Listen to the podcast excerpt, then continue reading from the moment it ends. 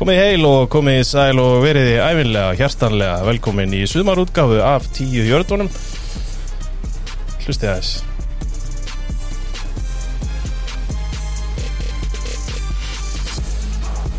Toppið þetta, introstef Það er ekki hægt. Þau verður ekki betri. Það er ekki betri. Herru, við erum mættir aftur. Haldið ykkur fast, vikulega að öllum líkindum. Að öllum líkindum, það er planið sem ég og Matti settum upp gæti svo sem brotnað. Það er brottækt en það stendur ennþá, við erum mættir í fyrsta þátt. Verið velkonir Valur Gunnarsson og Mattias Tim Takk fyrir. Takk fyrir. Hvað segir ég þá? Bara mjög gott sko. Er ekki bara. Jú, jú, jú, ég hérna þegar maður var svona aðeins að grúska og undirbóðsverið þáttinn og fyrir maður alltaf í smá stemningu. Þó að það sé vissulega 10. júli þegar við tökum þetta upp. Já, já, en jú, jú, þetta er skemmtilegt og, og já, mér er bara nokkuð vel á deildin okkar. Hvað segir Timbo? Ég bara hef sjaldan verið ferskari. Mm. Mér kom með sumafríi og svona. Nú er sumarið farið. Á eilsum komið til byggða. Það er bara eitt valsið minn. Að dagdrykja og hvað er betra en 0% bóli léttöl Love it. Nei, nei, það er, fu það er fulla ferð í bólanum í sólinni. Já, já, já, já ekki þú. Það er enginn að fara að kjæra okkur fyrir það. Það getur ekki verið. Er ekki gasmengun og vissin hjá ykkur líka? Nei, nei, það er ekki, ekki en sko, jú, við erum enda að sjá um það heima núna, gósi Já, Aftur, ég viðkynna það að þetta var ákveðið svona andlegt gjaldfrott nýtt gós, ég nennis ekki. Ég nennis ekki. Kona var einmitt að horfa live feed að þessu aðan Ég bara, uh, þetta Já. er ekkert, ég er búin að sjá þetta áður. Já, og líka sko, fyrsti hálftíminn að live-feedinu var og þá varst að horfa á reik sko. Já. og hérna, og ég bara rakka, nei, nei, nei, nei. Þú mistir ekki að því. Nei, ég minnst ekki að því sko, en hérna Bólinn er rauður eins og elgós Það er nákvæmlega þannig sem hann er Hann er sterkur eins og elgós En ég, en ég er sammála ykkur, þetta, þetta er eitthvað mér, mér finnst þetta ekki eins merkilegt og áður því þetta er búið að gera svo mikið núna Ég er bara ekki að nenna þessu sko Nei, það er bara vonandi að þetta trekki ykkur að túrastæða svo að verðbókan lækið eitthvað Það er rosalegt. Herru, við erum í Nóa Sirius stúdíu við podcastöðurinnar eins og vanalega. Það hefur ekkert breyst og svo, þó að við erum ekki, það er verið að finnstilla samninga. Við eitt flottasta fyrirtæki landsins. Nú, pittir við, hvað er það? Það er maðurinn sem að er að vissuleiti búin að halda þessu podcasti á floti í síðustu tvö árin. Eh, Það er okkar maður hjá fyrirtækinu Kansas. Sem er skýrt eftir Kansas City Chiefs. Það eru, það eru margar tengingar hann Það er að kongurinn og það er á bakvið þetta fyrirtæki, eða sérst fyrir, já, fronturinn á þessu fyrirtæki er hérna Safran og Pítan Já, sem eru officially okkar veitingastæður yes. Og við byggjum ykkur öllum að fara og fá ykkur pítu og á einhverjum tímapunkti þá mun óumflýjanlega ég finna brandarann hjá Sveppa og þetta með hvað viltu helst fá þér í píkuna hérna? Já. og ég mun spila hann og þið verðið bara að díla við það. Yes. það er eitt besta grín allra tíma. En velkonni Kansasmenn og ég vil bara benda á það að við erum að leita styrtaræðalum, mm -hmm. fyrir veturinn það er fyrsti koma fyrsti, fyrsti koma fyrsti fá vegna þess að við erum ekki hérna 13 auðlýsinga Hlaðvarp. við munum aldrei verða. Nei. ekki séns. Þegar Night Football verður í bóði ykkur þá hættu við. Á hættu við, Valugun, herri já, já, eftir að posta mynda þér, þú mættir talandi um sponsort og að missa menn. Eh, Ég ástæðan fyrir veru, hér er hreinlega vegna þess að við erum að missa valsa yfir til er, hann er ekki bara mertu grímbi bakkaseltir, er hann mertu fótbolta.net í tökum hérna eins og fáiði um, Hann er á láni Ég er á láni og hann verður kallaði tilbaka. Já, já, ég er ekki áhyggjur. Eða áhyggjur, kannski. Ég er búinn að kalla hann tilbaka reyndar. En það er spurning hvort hann fái svona tvöfaldarsamning eins og í NBA, fái að spila í G-League með fótbolta.net og svo í NBA með okkur hinnum í tíu hörtunum Já, múlsans tala um þessi búin að vera smá þrjár íþróttir hérna. Já, uh, þrjár NBA hjá Kalla. Nei, fótbolti, NBA og NFL Já, Það er gaman. Já, gaman. Frábært. geggjað. Herra, er ég að glemma ykkur? Ég held ekki. Ég held ekki Hvað er þá fyrst á dagskrá? uh, Það eru fréttir og eitthvað svona alls konar. Já, uh, Matti, viltu fara í Nei, ég nenni ekki free agent. Við ætlum að fara hérna í, uh, í Hopkins málið. Já, einhvern veginn er hann ennþá á lausu. Uh, Mattias Tim og Eirstum hvað er að frétta af Hopkins? Alveg vandræðilega lítið með hvað maður bjóst við einhvern veginn. Þú veist, þegar fréttin að koma hann að væri að fara að missa samningi sinn við Cardinals að þá var talað um Bills og Chiefs og allt, allir þessi helstu kontendera sko. En svo einhvern veginn fór hann bara í heimsókn til Titans og þaðan til Patriots og svo hætti hann bara fyrir heimsókn og svo heyrðist ekkert meir. Heldur bara það að Titans væri meira aggressiv heldur en Patriots og hinn liðin er einhvern veginn bara í þögninni. Þannig að ég veit ekki hvort að hann hafi svolítið miskilið sinn eigin markað og fólk halda hann sér bara sér búinn eða hvort að hann sé bara að vera leiðilegur og vilja ógislega mikið pening og þess vegna séu kontendraðum með lítið laun að það að halda sér frá honum eða eitthvað ég, Er ekki, er ekki mjög Beckham samningurinn svolítið að fokka þessu upp? Það kann ekki svo mikið að þá vel. Mm. ég, þú veist sko, Odell Beckham samningurinn nefnilega alveg snildalega settur upp hjá Ravens hann er í rauninni fjögur ára samningur fyrir, hvað var þetta, 15 miljónir eða eitthvað þannig að þeir náðu sko með þremur fake árum að lækka kappitið þannig að hann er í rauninni bara að spila í eitt ár fyrir eitthvað klink. Þannig að það er ekki það sem er að- aftur þessu. Nei, nei, nei, nei, það held ég ekki allavega. Ég hef ekkert séð neitt um það og, og lið ætti ekkert að vera að láta svoleiði samning trubla sig því að hann er ekkert það rosalegur.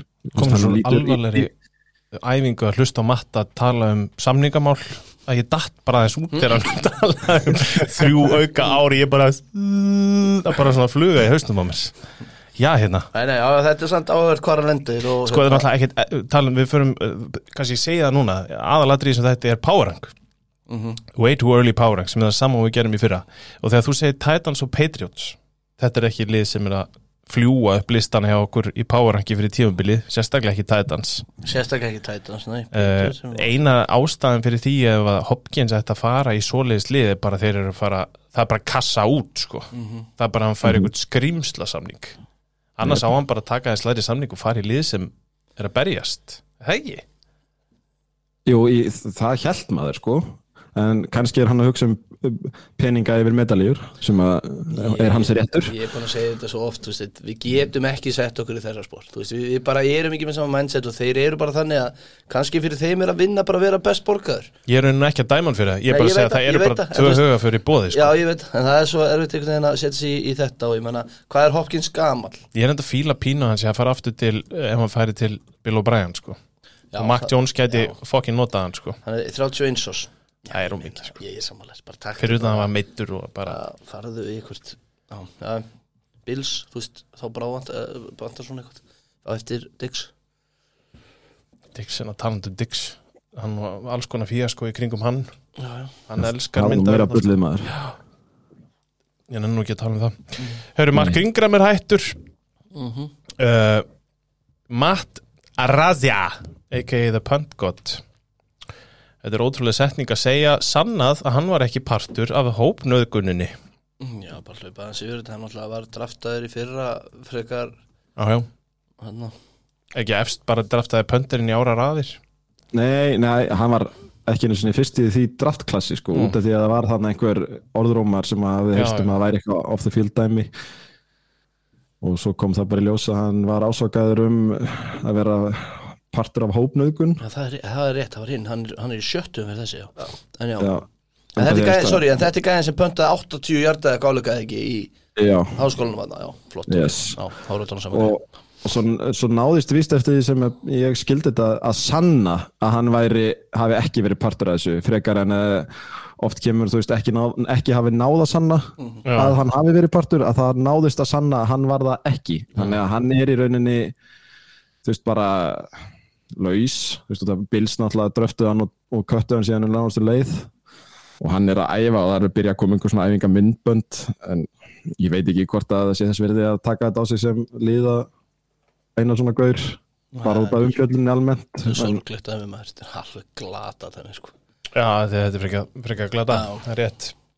En já, já, frá gættu við svona mikið og mörgum vorum hérna Orrómur, Dalvin Cook fyrsta lagi hvert í fjandanum feran um, en Mattias, þú segir ekki nógu sáttur með samningstilbú frá Miami.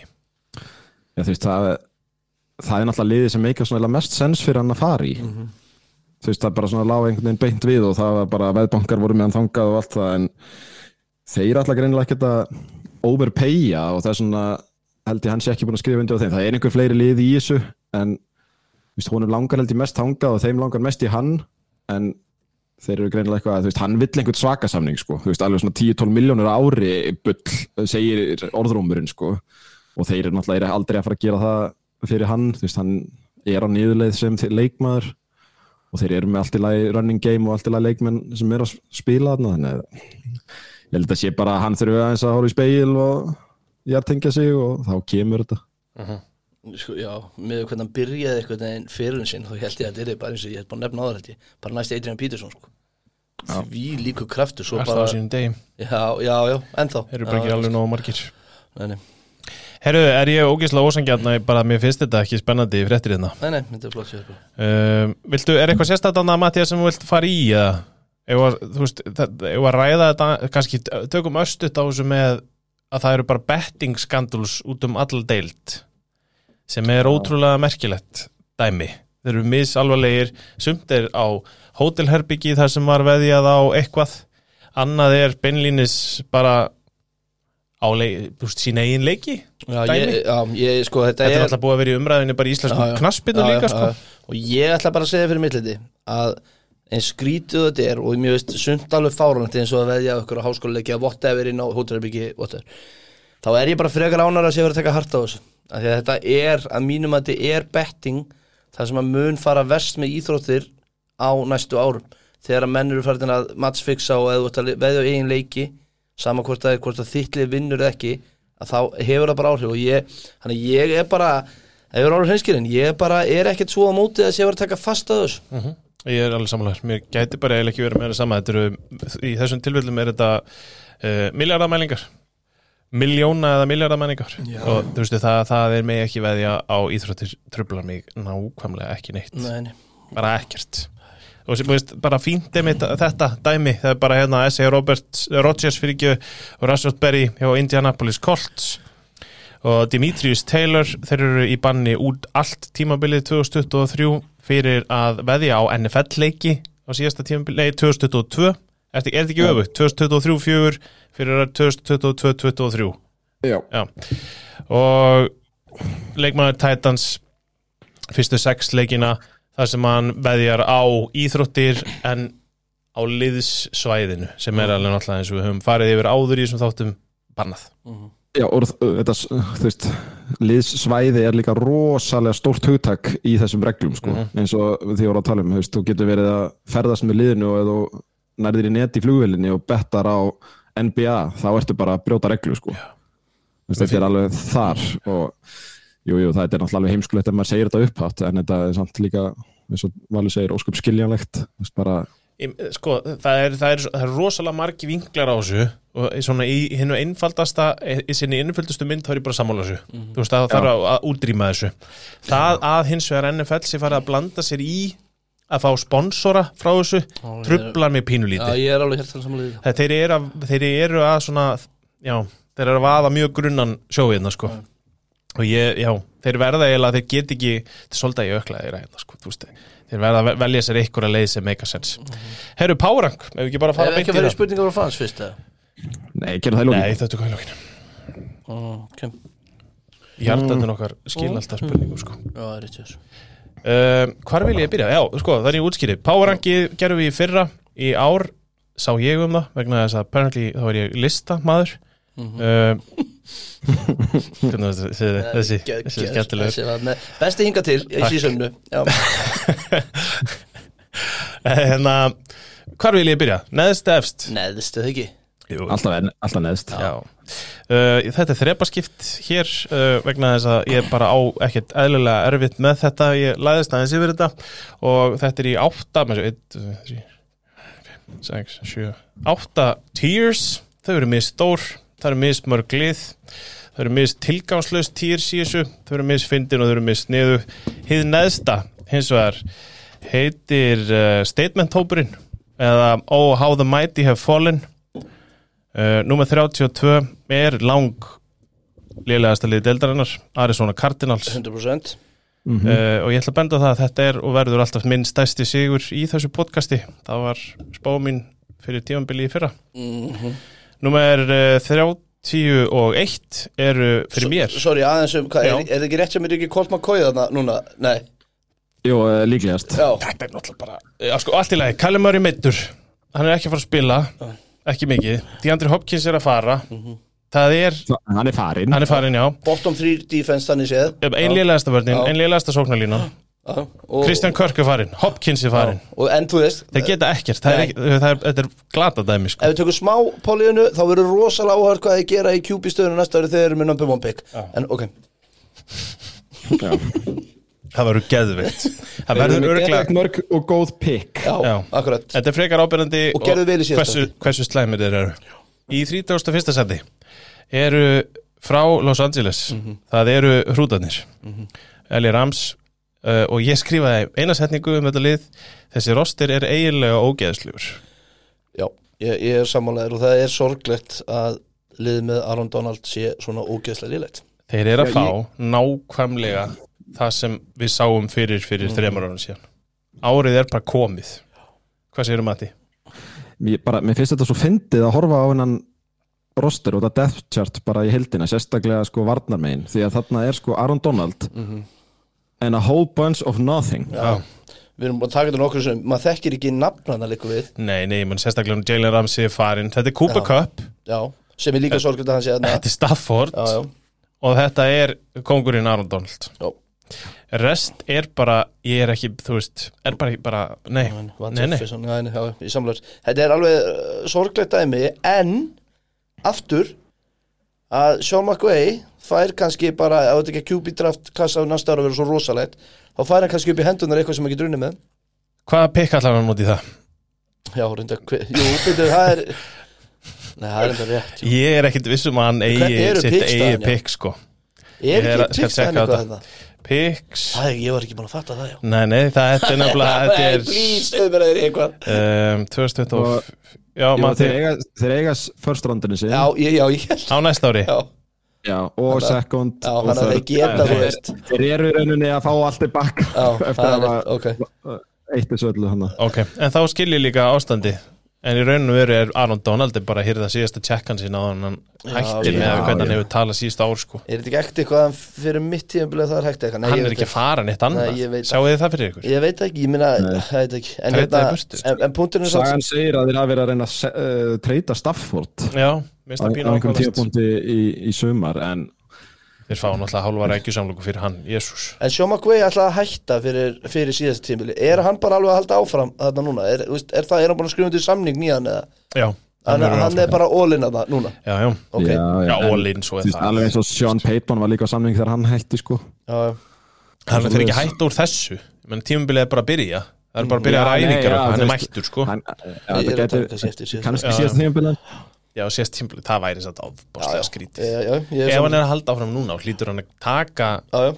En, en súbúlumestarinnir frá því fyrir tveimur árum þeir eru í skýtnum mm. Talandi súbólumistara, nummer 30 Tampa Bay Buccaneers Mhm. uh, hjá mér allavega Já, og ég, þetta er síðasta liðið í þessum ágæta riðli og þar stendur eftirfærandi ofgamlir og Trask getur ekki spilað quarterback fyrir liðið í NFL fyrir mér nei, Kyle Sko- Trask Já, og það, svona, til að gefa áreindum smá svona sín baku tjöldin þá gerðum við samt allir okkar tier til að vera með einhvern samanburð. Uh ég hafði þennan bottom tier sem fimmana lið, sko, eða sko fimmliða tier. Með og Buccaneers er jo klárlega partur af því en mér finnst sko vörnin er alveg ágætlega mönnuð og ekkert og svo slæm en sóknin er algjört drastl, þú veist, við erum að fara að horfa sko, ég held sem að Baker Mayfield verði startir hana, ekki Trask. Já, já, en þú veist, ömuleg varnalína allt of gott vætri síver dúo hana með að við hvað það er lélegt allt saman. Mhm. en, og svo er vörnin svona ný, allt í lagi góð, góð, góð cornerback hana en mér finnst hún bara líka hún er pínu öldruð sko. Vita vega þarna, já, já, Þeir eru orðin svolítið gamlir. Bara rétt, já, það er alveg rétt. Þeir voru líka að borga sko í, Já, já, þetta var allt mjög eitthvað fyrðulegt það er svona eins og þeir séu búin að stilla upp liðinu ég vonum að Tom Brady hætti við að hætta við aftur. Pínu þannig sko Þetta er samt Andrew Schack bara þetta þrítur Levante David 33 Þú veist, þetta er bara svona og þeir eru samt ekkert lélir þó þessu gamlir sumir nei. hverjir af þessum gaurum en þá, þetta, þessi liðsuppstilling meikar ekkert sens fyrir mér og þeir heldur bara áfram að borga í staðin fyrir bara svona já, að leifa þeim að klára samningarna sín og fara annað. Ef að þeir færu núna og myndu sækja sæmilega, þú veist, hvernig er endaðir með Baker, þú veist, það er svo pyrrandi ef þeir hefðu til dæmis bara hent sixth roundir í Rams fyrir Stafford þá litist mér aðeins betur á þetta. Ég er bara, ba- Baker er bara búið dæmi fyrir mér og svo eru menn að fara í viðtölu eitthvað þið býðið bara, við mætum hérna. Eitthvað svona Já, dæmi, ég, skil, ég já, er bara ekki að kaupa já. þetta. Nei, nei. En þú veist, ég er alveg sammála sko. mér, mér, finnst þetta, mér finnst þetta svo óspennandi lið núna, bara ég ég, veginn, ég valla nefnt að spá í því því ég var að telja þetta upp með þessa. Ég eiginlega hætti sko, en svo skoða maður lið, ég menna þú veist, þeir eru Godwin og Evans, þú veist, eins og þeir nefna sóknarlínan, ég menna, þú veist, það er hérna. Mach, hérna, Jensen Mm. Vörfs, náttúrulega missu hérna en þetta er bara ógeðslega óspennandi lið og þetta lið er ekki fara að gera neitt og ég held að það sé hárrætt að hafa þetta í næsta dæminu sko. Já, just, þetta er líka bara Jú, jú, þeir verða örgulega ekki svona óðbóðslega liðleir Mér finnst það mjög ólíklegt. Svo eru þið náttúrulega í já, en þessi, sá þið ekki. Jú, en þetta er bara eitthvað svo óspennandi Þetta er rétt hér, þetta er bara svo óspennandi það er svona eina sem að mér svona, Mhm. finnst ábyrrandi slemt Herri, förum í næsta. Þar eru sjö lið. Ok, uh, og ég skýrði þennan næst, næsta reyðil okkur langar að geta, þetta, geta eitthvað en við getum sennilega lítið. Mhm. og nummer 29 eru Houston, Texas hjá mér. Já, uh, já ég kaupi það. Það er pínu erfitt að fara inn í sko, vissulega gera er náttúrulega sækja Anderson og, og Strátt Mhm. ég er ekki sammála því hvernig það var gert en þeir gerðu það við erum kannski bara eftir að sjá hvernig það funksjonar vanandi að henda first down picki á næsta ári sem maður hefði kannski persónulega haldið í. En þetta lið er ofbóðslega eitthvað þetta er Damian Pierce. Það er eitthvað slagur á millið Case Keenum, Davis Mills og CJ Strátum að vera quarterback. Já, sítist rátt, segjum það ég minnst ólíklegt að hann byrji ég veit ekki, það Ég held að- Milsarinn- ég held að það sé bara ég, ég held að örugt. já, haldið þið það? já, ég held að Já, Já, já. það sem ég tek út úr þessu liði er að ég mun ekkert endilega hoppa yfir það á, á ge- gamepassinum í ár sko.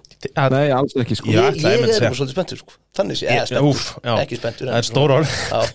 En þeir eru líka, veist, Larry Mitchell er þarna, hann er já. spennandi leikmaður Villa Andersson, nýji varnamaður þeirra er þarna Þú veist, það er Já, ég er að segja það, þú veist. Leikmaður, leikmaður, en þetta lið er ekki gott, sko. Nei, það er svona einn og einn leikmar þeir gætu verið með besta, eða einn af betri left tackle-um í deildinni, þú veist, í Tönsil Mhm. svo er þeir með hræðilegt vætri síverkor Alveg ævintýralega ömurlegt, sko. Sko, Damien Pierce er flottur en er samt engin svona game changer að ráði. Dalton Schultz en tight end. Ný. svo er þetta svona gauðir sem að þekkir sem voru ágætir fyrir fimm árum í vörninni. Fjóruða ári í röðu er þetta samt svona. Þeir hafa Já. verið að taka til sín svona B plus.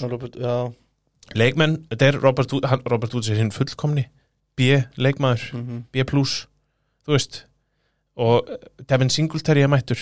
Þú veist, þetta er svona þetta er svona næstu því, þetta er svona hálfkák Mhm. og þeir þeir, já, þeir eru eins og Ég- já, þetta ekki ósækja að setja á í 29 Nei, nei, Ég ég, setti á- já, hvað, hvað séu þú á? á reyndar í 28 en í þessum flokki sem er að berjast um number one overall pick. Ég var með 29 líka. Já Erum við eins?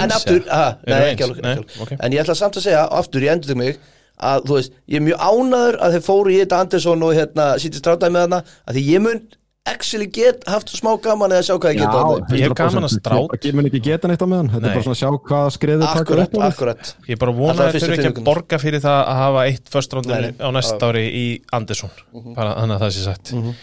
um, sko næsta lið hjá mér er, nummer 28 eru Tennessee Titans. Já, og ég ætlaði bara svona henda ég bara, úst, ég, þeir, ég er ekki að byggja ykkur um að svara þessu en ég skrifaði nefniði fimm leikmenn í þessu liði sem heita ekki Tannehill eða Henry. Þessi roster Will Lewis, hann að rúkiðin hegi, kubin, þetta er hann eh, ekki vissulega. Já. Svo er Traylon Burks. Sko, ég var að segja, ég er ekki að byggja ykkur um að svara. Nei, þetta er svona meira fyrir hinn almenna góm í NFL ég veit að við getum þetta Já, já, en þetta er ofbóslega erfiður hópur af leikmunum og ég hef sollar áhyggjur af Tennessee Titans sérstaklega ef að, að því ég held að ef að þeir eru raunverulega að reyna að fá DeAndre Hopkins þá eru þeir halda þeir mögulega að þeir séu svolítið mikið betri en þeir eru.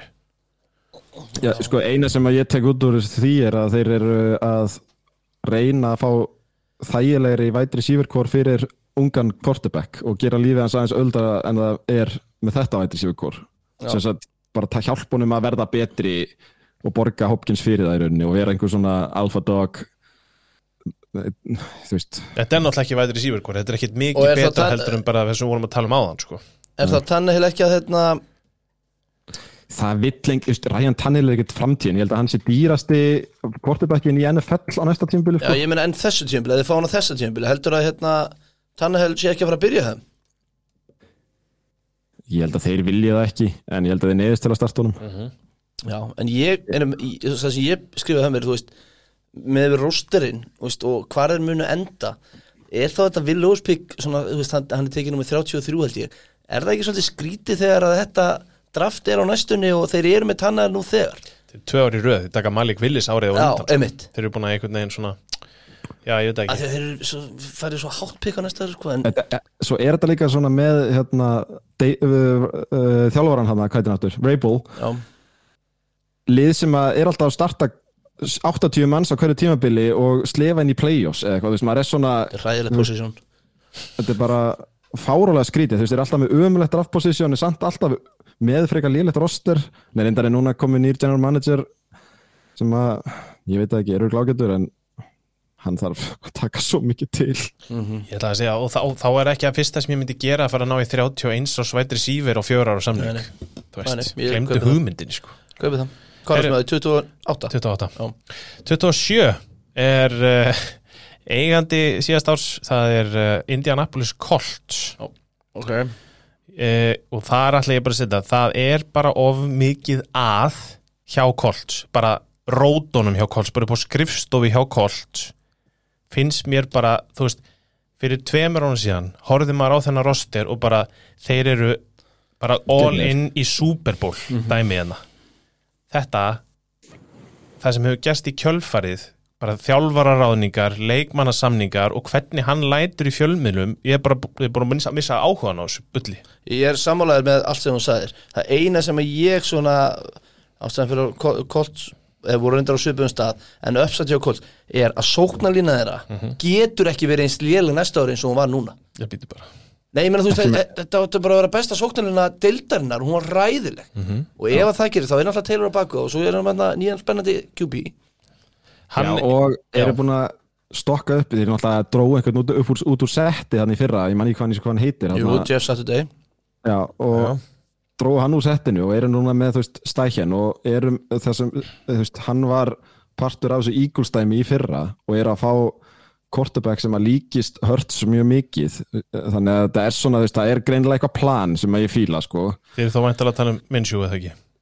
Sem er startir Nei, hérna, er, erum við ekki á því að Anthony Richardson er pottet að fara að starta þarna, ekki? Ég er byrjar held þetta. ekki. Haldið þið kæmi Minshew á- að byrja ekki þetta? orðið að hann fengi kannski þrjár, fjóra vikur, sko. Ok, nei Ég skal alveg ekki eins og það er vittlust að mörguleiti þá vonaði svo að byrja það inn en, já. En þá ertu með Taylor og ef að sóknarlínan Þú veist með Taylor sem var gríðaleg vonbriði fyrir ég er að segja það, það er náttúrulega fylgir sóknarlínu svo mittist hann eitthvað eða ekki Næsti maður á bakveg hann er Zach Moss Þeir Já, eru búin að missa alla breytt þar.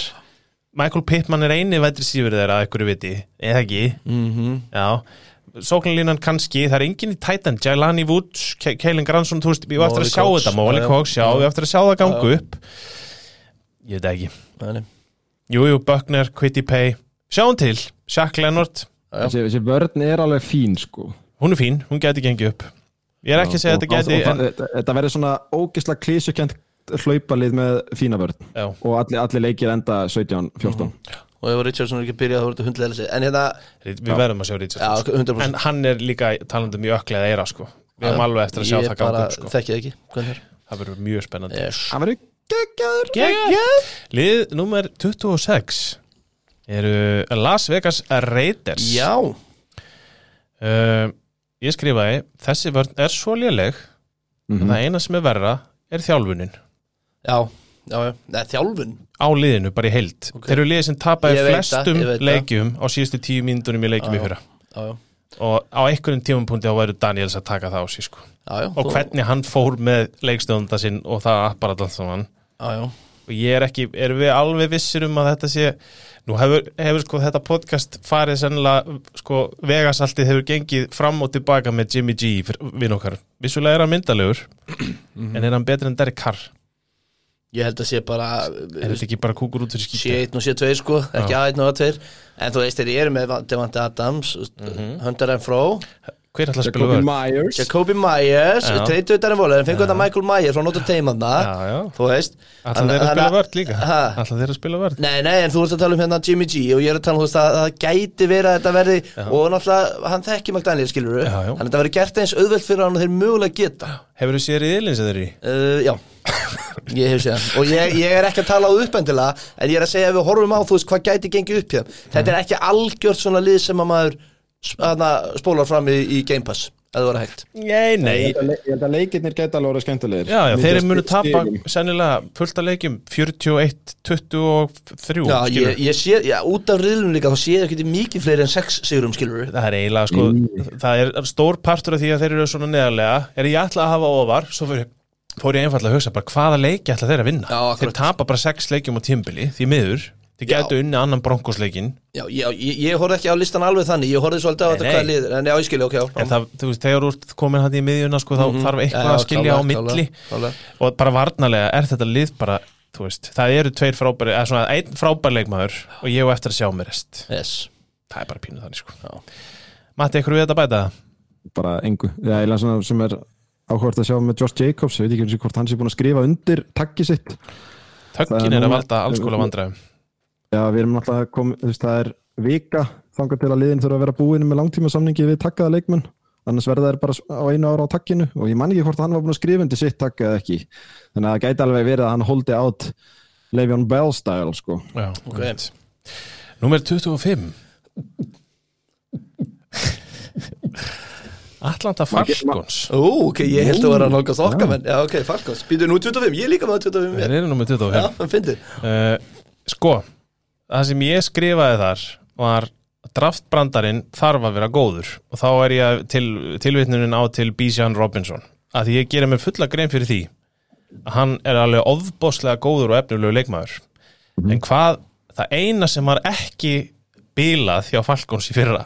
Var hlaupaleikun já, Kostur Pettersson, já. Því að Tyler Algier spilaði af sér Já, raskati gerði það, já. Og var stóð sér bara gríðarlega vel. Og Cordell Pettersson með honum. Þannig að þeir auðvitað fóru og sóttu sér running back í fyrstu umferð. Af því að það var það sem maður skipti öllu máli. Og ég spyr mig bara Desmond Ritter, Taylor Heineke uh, vætri sífirinn Drake London Já, sko, Kyle þetta, Pitts, þetta eru þetta er allt já, Já. já. þetta eru þrýr frábæri leikmenn, Bijan það er Drake London og Kyle Pitts. Kyle Pitts, sko, show me samt. Sko, ég ætla, Ég þarf að sjá það. Ég er samanlega því, en þeir eru með góða sóknarlínu. Já, Svo er- Já, þeir eru með góða sóknarlínu. Þeir eru með góða sóknarlínu Fá Bísson Robinson á þeim sem ávist að bara vera strax eitt besti meina, running back deildarinnar. ekkert um hann Ekki- neikvært um hann að segja Nei, nema ok, bara hann fór í vittlust lið sko. Já, já, ok. Og svo ertu með Drake London veist, Kyle Pitts Kyle, Pitts. Þetta er enn eitt lið samt og við munum ræða þetta ítrekka núna bara á næstu hérna, liðum. Já, Quarterback staðan er það. svo eina það munið ekki góðlega góða setninguna? Það eina sem skiptir máli ef að er að eiga góðan quarterback. Og Ég næsta skrifaði staða þetta. er vara quarterbackin skilur við Ég skrifaði margt jákvæðin QB og mikið spurningumarki Ég er alveg sammála því. Það er ekki margt jákvætt. Vörnin hjá þeim líka er ekki Svo skemmtileg góð sko. sóknarlína og svo voru að telja upp þessu vopn. Það er alveg margt jákvætt. En sko, það er einn Í væti því, síðan já, samt, og- þú verður átt á því. Það er bara Drake London sko, svo Mac Collins og Scotty Miller eru 2 og 3 hjá þeim sko. Já, Pitts er nummið tvö Pitts hefur ekkert sín Hann er samt nummið tvö vætir síver Já, já, en þetta er þriðja árið hans. Fyrstu tvö eru vombriði í bestafalli Já, meðan í fantasy bæði. fyrst árið var gott sko.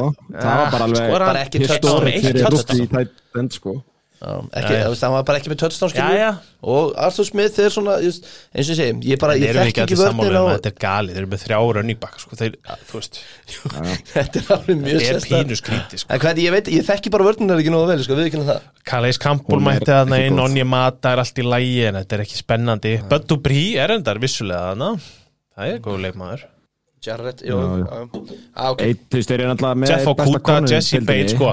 Þeir eru reynda búin að laga já, tölvöld til í öftustu varnalínu sinni. AJ Terrell, Jesse Bates og Jeff Okuda erum eftir. Já, já, og Okuda á reyndar eftir að sína öllum líka hvort hann geti nokkuð skapað Í NFC South. Og svo eru þeim besta kikkarinn í deildinni. Eru, Þeir eru í NFC South með, með Tampa Panthers og, og, og Saints, eða Já, ekki það verður ekki breyst. Nei Og ég meina það er nokkið eins og það sé ykkur skilur frábær deild, þannig að ég veit það ekki, ég allavega mun fylgjast. Ég get Já, ég- sagt þér. það, það, er það eru tvö önnu lið fyrir ofan á, Já, já, það getur líka vel verið og þessi deild er þannig en maður segir þetta, maður, ég finn það alltaf rétt fyrir tímil, þá er öllu spennandi þá að veit. verða ekki sko. Já, já. En já, Ég, ég setti það í flokkin árið á undan árinu sem er árið á undan playoff.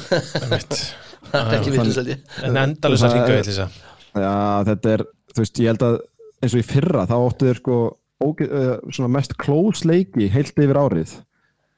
Þannig að þeir eru alveg, veist, með góðan þjálfara og svona, ég hef alveg trú að þetta gæti alveg verið svona eitt af þessum spútnikliðin sem að klaufast í að vinna nýju leiki, veist, það kemur ekkert sérlega óvart. En það sem er líka fyndnast af öllu, við höfum eftir að fara í fantasy þátt og annað Alls ég er, er alveg fair game í því vegna þess að þetta, þeir munur hlaupa bara endalaust, Já, já, já. sko. Þetta verður rosalegt sko.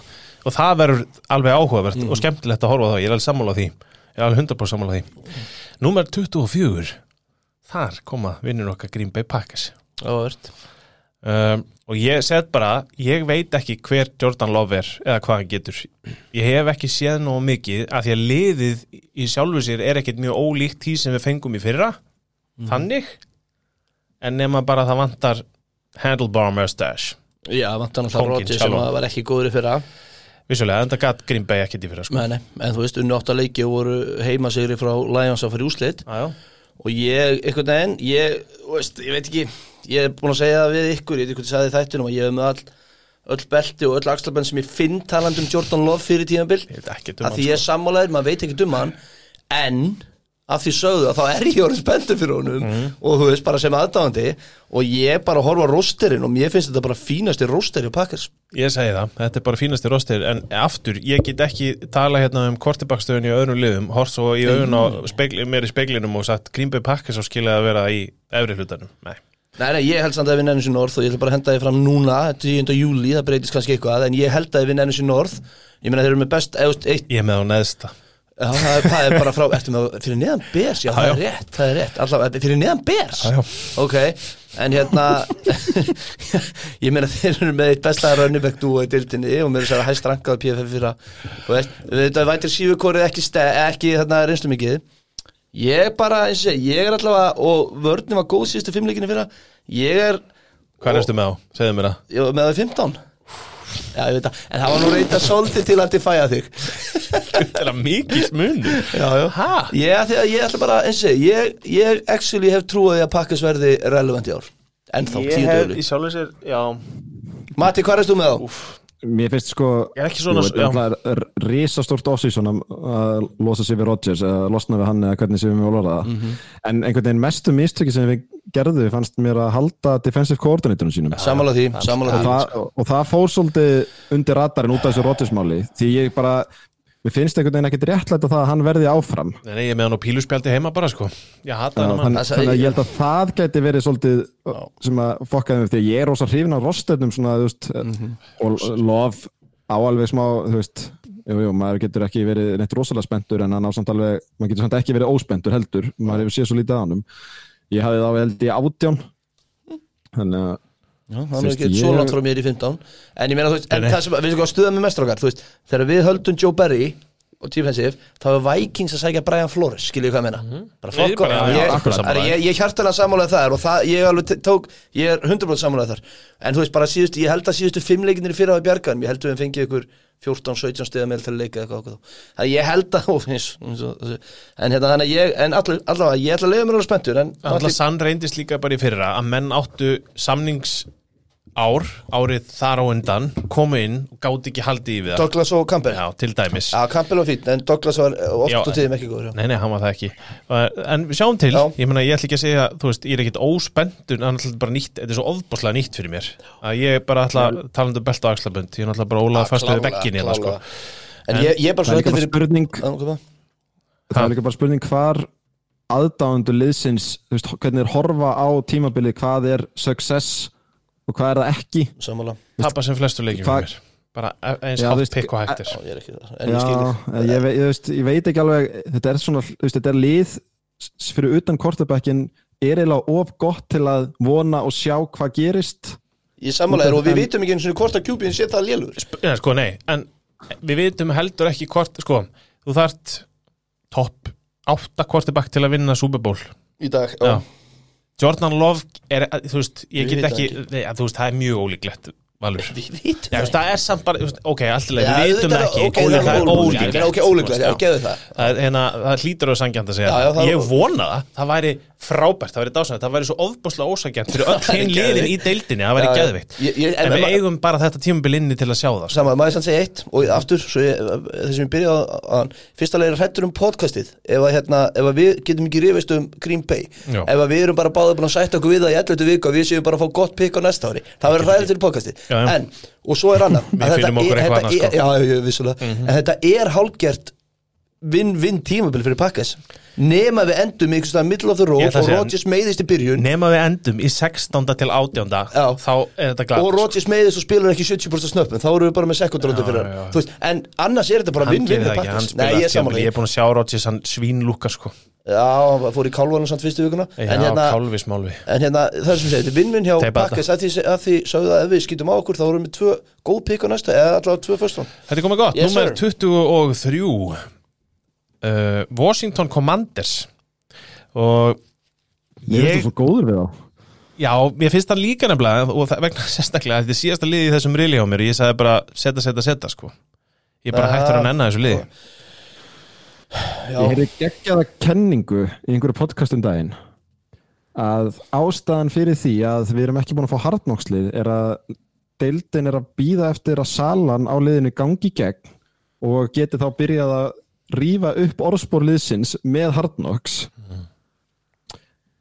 en það er alveg rétt að þér setja, setja, setja er mjög gott. Þetta er góð varnalína, fínir linebackerar Terry McLaurin, búið. Bara, Washington er bara, það eru svona það eru liði í íþróttum að, með, með svona smá kenningu sem að eru bara eins og þau eru skilur við, maður bara það eru liði í NBA og svona og í NFL og bara í fótbolta og maður horfir á þau og þið verðið bara nákvæmlega þetta, þið verðið bara 14. besta liðið og aldrei neitt mikið betri en það, Washington er bara það. Það er bara svo mikið rótið inn að beini þarna. Og svo einhvern veginn, þú veist ég las mér aðeins til um þá og það er bara, ef að Jacobi Brissett kemur inn, þá hendar þessi sókn full, þetta er Jacobi Brissett, já, já, skilur. slakiði á, Já, skilur já, já, þú veist, þetta er ekki Jésús Kristur endurfættur, ég þarf ekki að sjá mikið meira, Ég þó að Erik Bienemi sem mættur hana, ég er bara ekki að kaupa ég þetta er bara svo ógeðslega skotin í þessari þeim sko, sem er náttúrulega bara þú veist, og, og Chase Young, þeir, þeir pikkuð ekki fyrir það 15 ára hans. Að hann er á samningsári í ár sem að, þú veist, og hann er náttúrulega búin að vera rosalega mikið mittur ég er mikill Brian Robinson maður líka Brian Terry Robinson, McLaurin, já, Dodson, hlauparinn. Curtis Samuel hefur alltaf verið vinnmaður þess vegna sko, þú veist, þess vegna er ég ekki alveg til að afskrifa þetta svona rosalega. Og mér veist, En komum er að- 20 og Jacobi já, ég, ég gerir mig grein, ég gerir mig grein. En við erum búin að nefna þetta Sam Howell. Sam Howell. Já, En við verðum líka að horfa upp fyrir okkur. Já, Þú veist, liðin já, já. sem er að koma Eru við Þú veist, eru við Eru þeir betri en þau? Við erum Já, að fara yfir eitt. Veit það ekki. Já. Já, eitt. Þa, Ég er til í þann Ég er til í. Ég er, segi, ég er til í þann pluss mínus fyrir 24? mig Já, 23 já, já, 23 Já. já, ég var með það í 20, minnum með það 21 Já, Já. Ég- Commanders. Já, við minnum það. Ég var með það í 27 já. já, já, ég, Finnst það ekki það Mér finnst Nei, það nei, nei, mér Nei, mér finnst 27 ósangjant Bara því að við erum að tala um þessa gauðra. Bara Terry, Skiri Terry, Brian Ég, já, en ég skil samt alveg út af Brissett og Howell umræðinni að þetta sé svona mikið sveifla, skilur það- þú hvað menn en það er er, er svona pínu eins og Bucks. Þú veist, góði vætri síverar og svo Sam Howell og Baker Mayfield að kasta þá sko. Já, en horfiði líka bara á þú veist, þetta er, að því þetta kemur á eftir sko, kannski meira, en horfiði líka bara á hjá mér. Ég með Commanders, Green Bay, Falcons, Raiders Colts, Titans, Texans, spurningumerkin hvort er bara staðan? Í nánast hverju einasta liði Já. það er bara þannig, það er bara faktal og það er bara, þetta er eina staðan sem má eiginlega ekki vera bara eitthvað, hvernig verður það? Ég veit það ekki, nei, veist, það er bara svo hræð ef þú, já. Var ekki vinnur okkar Dan Hansen segir alltaf ef þú verð ekki viss með kortebækstöðina þá ert ekki með kortebæk, það er einhvern veginn þannig sem hann orðar þetta alltaf. Já, alveg, alveg klálega, en þú veist, það er ekki ekki, ef þú ert með, ef þú ert með tvo kortabakka þá ertu með engan. Já, líka, það er náttúrulega alveg hræðilegt Það er náttúrulega Washington Command, með Commander Special að vera með þrjá, tvo þrjá. Bara svona á lagir. kannski eru þeir alveg vissir. Númer 22 Þannig eins og ég hefði klift þetta Þá kemur nýrið, það eru fjögur liði í þessu. Uh, Og ég skrifaði Það er eitthvað þarna En ég veit samt ekki hvað. Númer 22 eru Carolina Panthers. Já, vel gert, ég er 23, vel gert, já. Uh, Og ég skrifaði hef- eins og ómerkilegt og það er Eitt stærsta spurningamerki ásins Og ég hef rosalega lítið að segja annað. Að því að ef þú tekur þetta rostera með það sem við erum búin að vera að tala um í Packers og Commanders þá er það ekki nei. en það er eitthvað þarna. þeir eru að gera breytingar á öllu galleríinu sem ég er ofbúslega hrifin af. Þeir tóku bara og gerðu allt sem ég vildi að þeir gerðu þeir löguðu allar þjálfarastöður þeir skiptaðu um hvað þess að kortebakk karusel bulli, fóru bara sóttu sinn gæja í þá stöðu þó svo ég hefði kannski ekki gert það.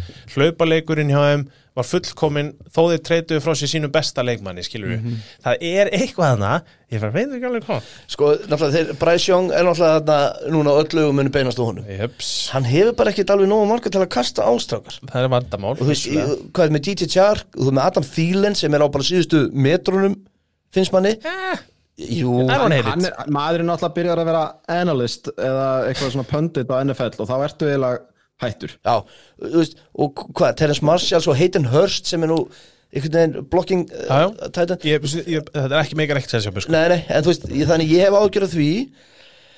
En Miles Sanders, Chupa Hubbard, ég hataði ekki. Nei, Adam Thielen ok, DJ Chark ok. Þú veist, Sjanöld alltaf að vonast til þess að hann breakout hann væri minn breakout 12 ári í röð. Já, já. Ég veit það alltaf ekki, en svo er þessi unga vörð sem hann er alltaf sagt frá hún er efnileg og hún, Hún er er það í alvörunni sko. Og ef að það gengur aðeins upp og sóknarlínan smellur sem svona 14-15 í dildinni Og ég segi að veist- 15. skiptið þettunum, þeir eru í NFC South. Þeir eru í NSI South. Thielen-vélin, 7-8 touchdown skilur Thielen, vélinn er, er Sanders og Chupa Hubbard í þessu hlaupakerfis geðbilun sem þeir eru með Þú ert að reyka dónum í hverskið sem að skora títi í sumar. það. En Thielen, vélinn, ok, ég skal gefa þar Hann er svona, hann er glorified tight end í dag sko. Hann er svona red hann, zone. just, hann er Redson og döðan sko. Hann er með helvitis hendur. Þetta er nefnilega fín, bara mjög fín sóknarlína og mjög efnileg vörn. Þú veist, þú þarft bara góða sóknarlínu með svona rookie QB og það- veist, þetta er bara þetta er í hana, árið á undan árinu á undan árinu. Já, en þeir er eru líka á fullkomnum stað í sínu þrepagangi. Þeir eru búnir að byggja vörnina sína sem er efnileg og gæti verið góð með Brian Burns og öllu gallerínu þar. Já. Þeir eru komni með kortebæki sinn á fyrsta árinu, þeir eru með rauða bokkin riffilinn fyrir aftan hann sko. Dalton vílinn er bara að býða eftir sínu tækifæri til að rífa sín í playoff sko. Ég held að hann sé frábæð backup QB upp á gæðveikur backup quarterback. Já. þannig að segjum, settu Hopkins í þetta lið og ég er Já. spenntur. I'm excited sko. Andy Dalton endar hendi þá góðu línu um daginn.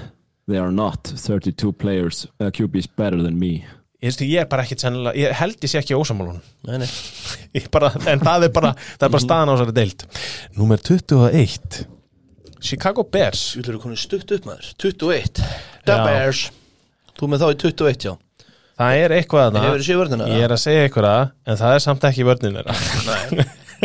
Ég samanlega með sóknar Með sóknin alveg bara spennandi ég Og finnst hérna hún bara dálítið spennandi Já, sko. og Justin Fields, John Mhm. DeForman, Khalil Her- Herbert DJ Moore, Darnell Mooney, Chase Claypool Mhm. Cole Komet mikið bætt sóknarlína. Bætt sóknarina, já. En vörnin hjá þeim er ömuleg Vörnin hjá þér er hræðileg Þess vegna held ég að verði Þetta er en líka Fields svona hann er árið. sko hann, honum óks ásmegin í fyrra. Já, já, og afsakarnar eru búnar Já. En ég meina, óks ásmenn er endur í síðast þetta En afsakarnar eru búnar Ég veit það ekki, Já. það er bara, þú veist, eins og ég segi, það er eitthvað annað. Ég veit ekki hvort það er bara kjafta eða Ég ekki. samanlega, en ég myndi hafa það neðar út af vörninni Það er, að, það er vissulega hægt að svissa þeim ekki staðar, en það bara passaði betur inn í líka listan að hafa þá bara Þú þarna. vildi hafa frúan pakka Þannig að pakka svolítið neðst í rennum sér norð Veistu, það, það var eiginlega óvart. Já, Ég hef með á, ég hef með á 27 Bers? Mhm. Vá, það er ekki Já, svo ná, lélegir. ja, 24, þeir voru þarna árið á undan árinu því að þeir, þeir eru alveg svona að taka uppskrift sem hefur virkað þess að fá sér alveg svona mætir sér eitt til að bjarga ungum quarterback. Þannig að þetta gæti alveg verið þú veist út af því að þeir náttúrulega settu tröstið á Fields með því að taka ekki quarterback number 1 heldur treytað til Panthers. Og þá eiginlega kom stuðnings yfir lýsingin þannig að ég veit ekki þeir, hafa trú á Fields og Fields sínd alveg á milli en hann var samt svo, svo skrítið að treysta á síðast ári því að þetta voru hvað fjögur, fimm touchdown sem hann hljóp yfir 60 hjarta sko, sem að var bara, þú veist, ég held að það hafi verið næst flesta hjartar hlaupnir að quarterback ever á regular season sem hann átti í fyrra sko. Ég er bara býð eftir að sjá hann geta verið í vasanum og hent. Og, ég, og, og, og, og ég, það hljómaður skrítið frá Pakistan um það að ég er eiginlega vona að hann sýni mér að því að ef að hann verður góður sem bara segir með þessi hlutlust aðdáðandi þá er þetta annar bara svona þú veist, líkuðu Lamar Jackson gæði sem hann var það, það bara fara að taka alvarlega. En Algjörlega. þanga til að sína með það, þá ætla ég ekki að taka hann alvarlega Númer 20 setja New Orleans Saints. Já, gert uh, Ég sagði hálft hænuskref áfram en samt enn eitt liðaskref í kortubakstöðunni Já, ég sagði líka, ég sagði, hef ágjör á sóknarinnu til að David Carr geti eitthvað og enga trúið þjálfurinn Derek Carr er betri en James Winston. Já, en ég veit ekki sko, nú erum við komin í season 2 af Alvin Kamara sögunni líka. Já, Já. hann ætti að sleppa þetta ári líka. Jæja, er það þannig, já? Já, þetta er Já, ég las eitthvað allt og langan lögfræði þráð en hann ætti að sleppa. Ok, sjálfsög gerir það Já, eins og fullari fólk gerir. Ég hef ekki droslega Nei, mikið að segja um New. Orleans. Mér finnst mjög ólíklegt að þeir endi það sem ég er að setja á. Mm. uh, en þú veist, Þeir sjáum fengur Jamal Williams, já. Þeir fengu það. Það þeir eru með Alvin Kamara en þá Jamal Williams, Derek Carr, James Winston talandum, þeir eru með Michael Thomas, eitthvað, Chris Já, sjáum til, við erum nú ekki fara að gera ráð fyrir Michael Thomas sáðu um daginn þegar hann Vörnin er mætt fín. á æfingu. Nei. já, og hann- var að taka hérna mental reps. Hann var ekki á æfingunni en hann var samt að já, og svo fór hann að lifta og tók deadlift eða eitthvað, þetta var eitthvað svona pæli hann er mætlur en hann er samt ekki þessum hæfileikum. Mhm. pælið í þessu rugli.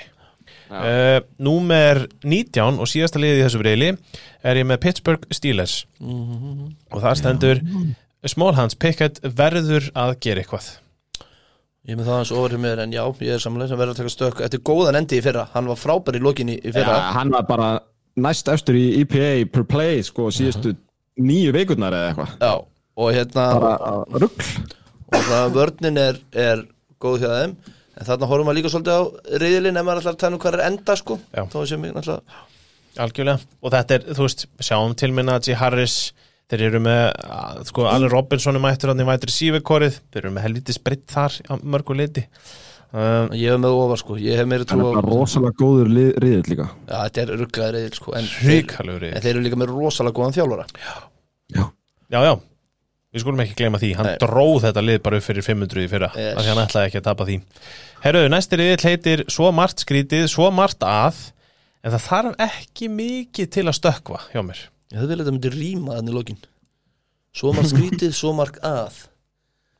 En Ég veit ekki hvert við ættum að fara með það. Ef eit- Já, þú fórst- Takmarka ok, já. línupláss. Ok, Númer átján er ég með Denver Broncos. Átján. Og ég ætla bara að skrifa Ég er að láta aðra lista segja mér að þeir séu slakir. En nýr head coach gæti, þú veist, alveg sett eitthvað sinn upp í köttin hann já, ég er svo spenntur bara ég er ekki spenntur að sjá Broncos beint ég er bara svo spenntur að fylgjast með Broncos. Ég er bara að spá, ég gæti hann komið inn og bara laga þetta þess Já, út af því að ég held nefnilega núna er, þú veist, þannig að vinnur ykkar sem var í fyrra, hann er náttúrulega ekki lengur og, Hackett. Hackett, og nú ræður Russell Wilson ekki lengur. Sem er hann frábæst réð bara í fyrra sem uh, er uh, ákveðið upgrade sem að svona fyrir þannig á gastunum 200 og eitthvað miljónir en sko núna er maður þannig sem að segja bara, ég held líka að Sean Payton hafi fengið ákveðið lofvorð í hendurnar þegar hann tók við þessu að hann fengi í rauninni eitt ár til að meta það hvort að hann vilja hafa Wilson sem quarterback og hafi í rauninni leifi til að taka bara sunk cost og kasta honum í ruslið eftir eitt ár ef að honum sýnist svo því að þú færið ekkert svona þjálfara þú veist, yfirleitt reynir að fá þjálfara til að hjálpa quarterbacknum en ég held að í þessu tilfelli þá í rauninni ræður þjálfarinn það miklu að hann segir bara nei ef hann vill það og hefur fengið leiði til þess eða þú veist, það er mín kenning. Já, ég er bara, ég, ég er með mun neðara því að ég held bara að Russell Wilson sé búinn. Það er bara mín, mín skoðun eftir síðast tíðinbilið uh, Svo er ég búin að heyra svo mikið um Sutton, Judy og þess að gæða þeir hafa aldrei sínt með það mikið en ég held að sé ekki þeim að gera. Uppáhaldsvætir síður minn frá upphafi í þessu liði er samt að koma tilbaka. Það er Tim Patrick. Já, ok, Hann er geggjaður. Ok Hann var óheppin að að, hérna, detta Já, út já. heilt tímabil. En ég bara, ég, mér, mér, ég, mér fannst ég sjá nóg frá Wilson í fyrra til að dæma hann döðan og stinga gafli hann. En fucking Peytonin Ég elska það og ég, Peyton gæti tekið James Winston Já. og tróði sér næst í enn í playoffs sko, hann gæti tekið James Wilson sko, Russell Wilson gæti tekið þetta Denveli og það var ekki hægt að horfa á það eftir Nei. fimm vikur En og þeir voru í primetime í aðra hverju viku. vorum samt búin að varað við því að ráða ekki þennan mann sem þjálfara sko. líka munið eftir, ég var ekki hjá Broncos þannig bara eftir fjóra-fimm vikur að því að uh, aðdándinni fór að telja niður hérna, playklokki til að hjálpa sókninni. Jú, jú, þetta og það var er alltaf disaster. að renna út á tíma. aftur, þjálfarinn sem var hjá okkur. Hackett. Hackett, pæli, maðurinn er búin að hafa af því eitthvað tíu ár að fara inn í lið, vera OC og leifa bara kortibaknum að ráða Já, já, og hann, Aaron Rodgers bara er gerði bara það sem hann vildi. Svo fór hann bara til Denver og gerði bara, það- sem hann vildi. Og hann komið til Jets og hver er þar? Jú, Rodgers. Sjálfur kongurinn ja, En þetta er- þessi vörn er samt hrikalega vel mönnuð hún er velmönnu og bara, Wilson, ok, sjáum til, ekkert mál. Þeir eru með Ben DiNucci Nei, ok, djók, já, ok. Það er endar alveg um meistari sko. Það er líka alveg hérna Jimmy Garoppolo og AliExpress útgáfa þarna kortibæk hjá þeim. Jarrett Guarantano. Jæja, sem Númer- er vist á undan Dinucci já. Númer 17 og þetta er lið sem ég svona eftir á higgja vildi óska þess að ég sett á neðar en það er Minnesota Vikings. Já, ég, ég skil skil það. Og ég sagði bara með liðmaður. Addison er spennandi og ég er á ofmeta og rækila. Ég, Það sem ég puntaði mér er bara Bri- Brian Flores í varnarþjálfur getur skipt máli. Já, og, veist, og hérna og svo segi ég bara, eru þið rebuild eða ekki? Ég skil ekki hvernig þetta liðið stundu byggt upp sko. með alla lista sem ég las þá gera allir áð fyrir að þeir verði bara góðir. Og það er eitthvað svo skrítið. En ég bara horfi að líka á ágætir. Alexander Mattisson sem nummer eitt hjá þeir æsir mig ekkit sérstaklega. Mm. en ég er samt Ha? til ha, já sem Rönnibæk fyrir ekki Já, já, ég, Þú varst að tala um Jordan Addison. Já, ég er að tala um Justin Jefferson, Jordan Addison KJ Osborne, TJ Hawkinson. Fínt. Það er aðeins meina spennandi Já, já, sko. bara klálega Cousins mættur aft, eða bara ennþá þarna. Já, Dean Lowry vinnuðin er mættur. Daniel Hunter, Harrison Film. Það er eitthvað annars sko. Já, ég, en jú, ég jú. náttúrulega bara er ekki devilistur Vikingsmaður, þetta lið bara hefur aldrei gert neitt fyrir mig, mér finnst það bara ekki eðlilega óspennandi sko. Ég held að þessi sókn gæti alveg orðið skemmtileg. Já, já, Þetta er svona típisk svona regular season sókn sem gerir síðan ekkert en að Ég meina alveg sko- eins og í fyrra þá? Við erum unnu bara 13 leikið eða eitthvað og- er og ég, eins og ég hef oft sagt ég rósa þeim fyrir það að átt að sjá því að þeir eru ekkert það góðir. Og einmitt. unnu svolítið off-seasoni eftir því og þeir eru þú veist hægt og rólega að svona yngja sig upp og, og taka samninga og henda þeim í ruslið þar sem að menn eru kannski ekki alveg lengur þar sem þeir voru þeir skriðu undir samningin en mér finnst þeirra svona 15-16 vera fullkomin staðsending fyrir Minnesota Vikings. Þetta er mesta svona meðalið NFL Ég er með- mér. ég er Sett á með 17. 16, Ég er með 16 En hérna, ég, sá, ég er sammálega ykkur að langflæstu leiti og hérna, þetta er lið sem að vann var það ekki ykkur að tíu leiki með minna en eins possession eða eitthvað líka? Þetta var eitthvað fára Þetta á fýblagáku sko. Já, já, þeir voru öfugir Falcons. Öfuð falkon Númer 16 er ég með New England Pa Patriots. Djúðlastum þá Já, ég er með á rosalega hátt. Það eru 19 af mér og ég eiginlega setti er, uh, Bill O'Brien er mesta uppgreit í st- ársins í stöðu. Og þá er ég að tala um að þeir voru með vanhæfa menn sem sóknarþjálfara í fyrra. Og þú getur hort á Denver Broncos en það var samt sóknarþjálfari Já, já. þar skilur já. þeir voru með blíjansnægaran Já, vörnir má ekki vera stíðast í leikmann eða eitthvað eftir Það, það má bara ekki vera sko. ég bara, það, það er ég held að Mac Jones sko Bill O'Brien geti bjarga Já, mjög ef ekki, þá er þú veist, þá bara fara á næst tíumbil og segja sér nýja hvort Æ, Ég, ég skrifa að Bill O'Brien er algjör X-faktor hérna. Mhm. Bara nær hann að gera Mac Jones að QB aftur. Og ég held sko orðspor Bill O'Brien í dag er það sé á hreinu. Já, já, en það er ósangjant maðurinn fór með Houston Texans ítrekkað í playoffs. Þá, en já, hann gerði já, hann gerði það. Og þú lék sér það sko. og það er bara muna það Nei, síðan, hann fór þá hefur það ekki verið fuglinni fiskur sko. þannig að ég bara honum var honum var sjálfur, gerði sér enga greiða með því að verða GM hjá Houston Texans hann var, hann var hræðilegu GM, hann var frábær þjálfari. Og hann er mættur aftur þarna. Ég, já, ég á ekki fleiri orðið yfir það sko. Ég, ég setti á í 21 í einsmanns týr sem heitir What in the fuck is a New England Patriot? Ég veit ekkert hvar ég hef þetta lið. Og ég veit ekkert hvað þetta er ætla og af hverju. Og þú veist ég er bara mjög hefin að þeim pælingum að þetta sé bara Bill Belichick að reyna að vera með flesta hérna, sigra og eru með nóg gott lið til að það malli svona í hús það met. Það og er, það sé eini tilgangurinn þeirra. Ef, þú bara tekur þetta bara þú veist, bara horfir á þetta bara eins og það er Bill Belichick getur núna farið bara aftur í það að vera besti varnaþjálfar í sögunar farið bara í það, ég ætla bara að gera algjört gúrmsalat úr því sem ég hef hérna, bara Matt Judon og félagar keiriði á það. Ég ætla að ráða hérna loksis inn mann sem að fær, þú veist, greitt fyrir að vera sóknarþjálfari. Já, já, já. og hann fær bara í hendunar ok, gott og blessa, hann fær bara Mac Jones eða Sappi eða hvað sem þú vilt gera í því. Svo er bara Ramondre Stevenson sem átti frábært tímambili fyrra Juju Smith, Devante Parker og okay, segjum, þú veist, það er einn allavega fín vætri sífur í þessu liði Hunter Henry, Mike Gesicki góðir tætendar, tveir. Það er, eins og ég segi ég, get, þú, það er bara þjálfara tengt að þeir geta Riley Reef og allir þessi sóknarlína tölupiti, Trent Brown í left tackle. Eins og ég segi, Patriots eru fyrir mér ég ætla bara, ég, ætla, þetta, ég er svolítið að steika mér hérna. 16, ég held, er playoffslið fyrir mér sko. Það er Já, já, já Já, ég, ég, þeir ég, fara þá inn sem þriðasætti öllum líkinu Já, ok. Já, ég kaupa alveg. Ég, veist, ég, já, ég er svolítið saman um þetta, ég veit ekkert hvað eru. Nei. Ég hef með 19 um mér. Númer 15 Já, sko, a- allt frá 15 niður í 23 hefði meika sens sko. Já, þannig að 16 er sangjant Númer 15, Já. síðasta lið þessum reyli er Cleveland Browns.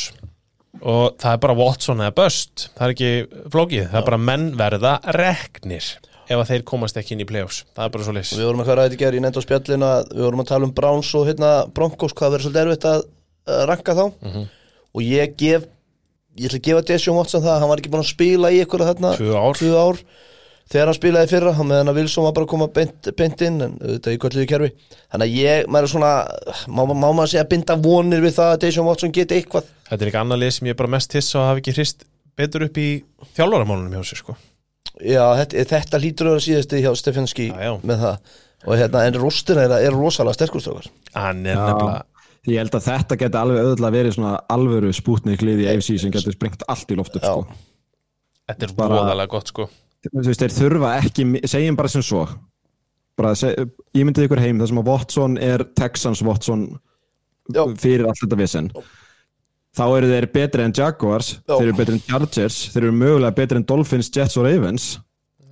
Já, mögulega, þú veist mögulega. Þeir, út af því að hann var alveg Watson var Superman hjá Texans erum við já, já, já. og núna er hann með rost veist, og hann dró, veist, hann og Bill O'Brien dróu þetta Houston-lið í playoffs. Já, já, akkurat.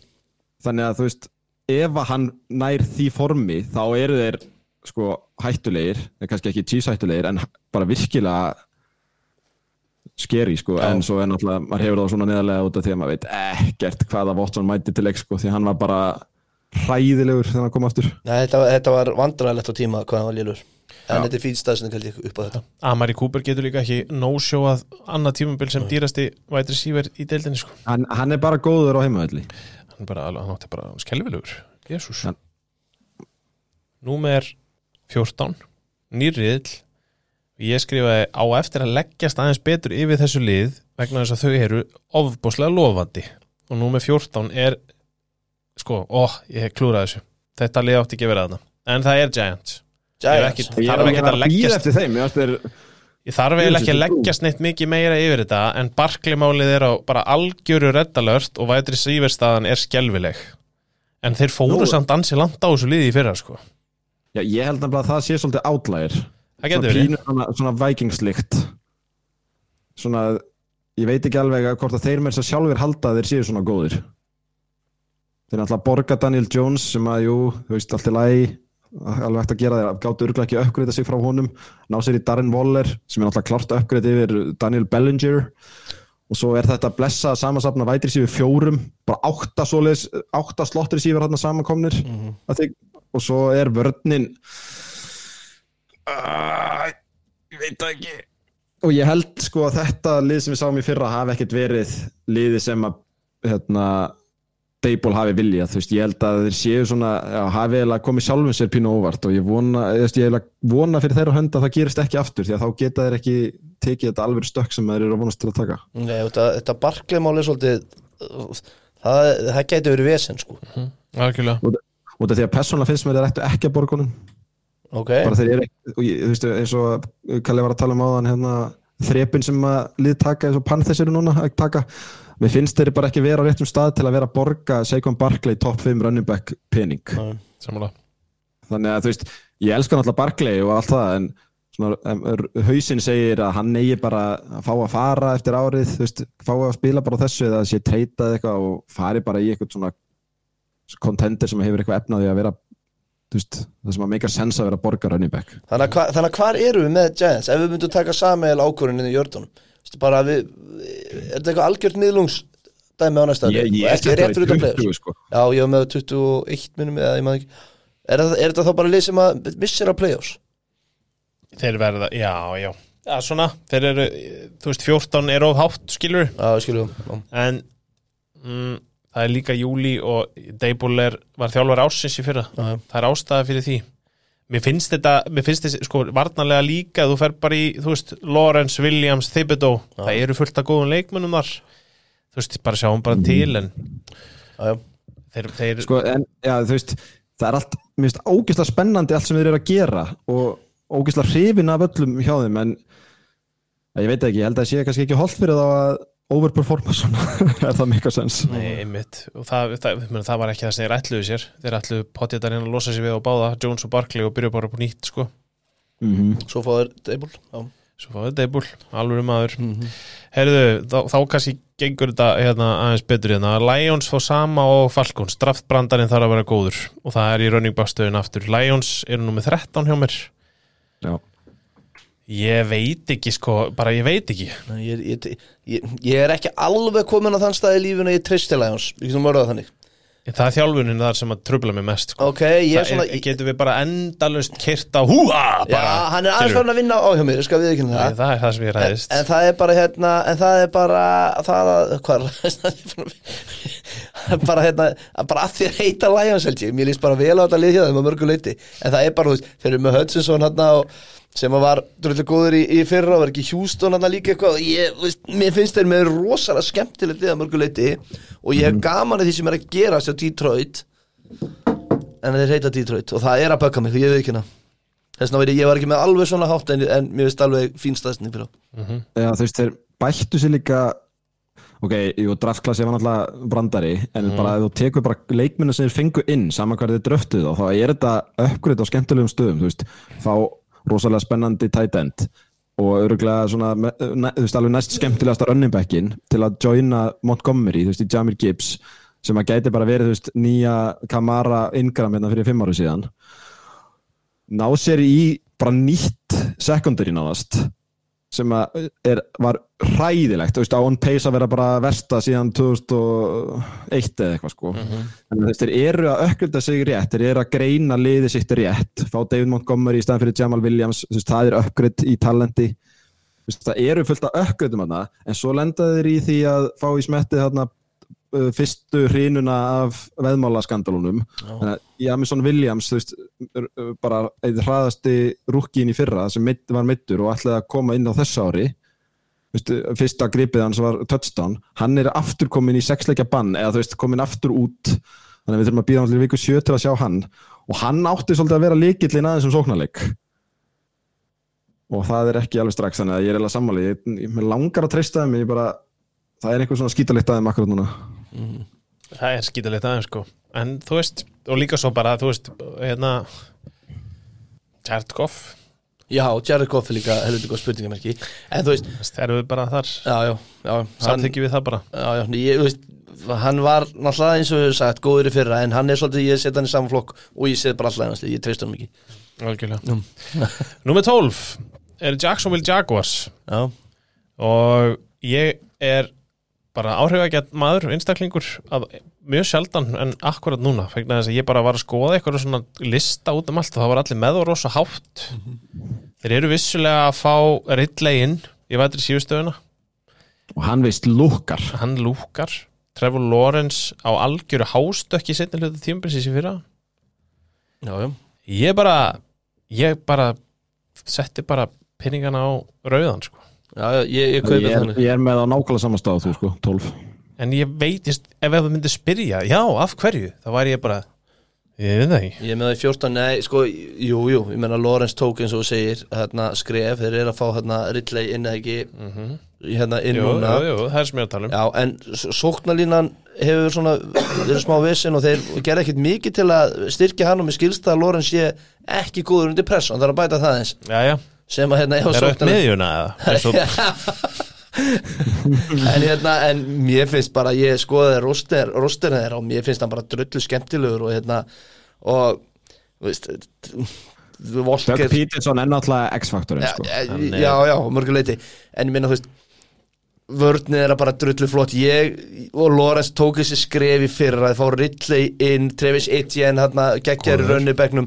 Ég er bara, ef en engra fann ég er bara, Hefan ekki, ekki segja þetta um byggjum á ekki. Nei byggjum á ekki byggja ekki það núna, þannig að ég er bara eins og segi ég er, ég er bara sammála þessu positioni. Ég var með örlítið neðar, en þeir verða alveg gætorið spútnikli líka í, í vetur sko. Já, Þið getur bara, ándjós enda sem spútnigliðið mitt í vetur. Það Já, einmitt.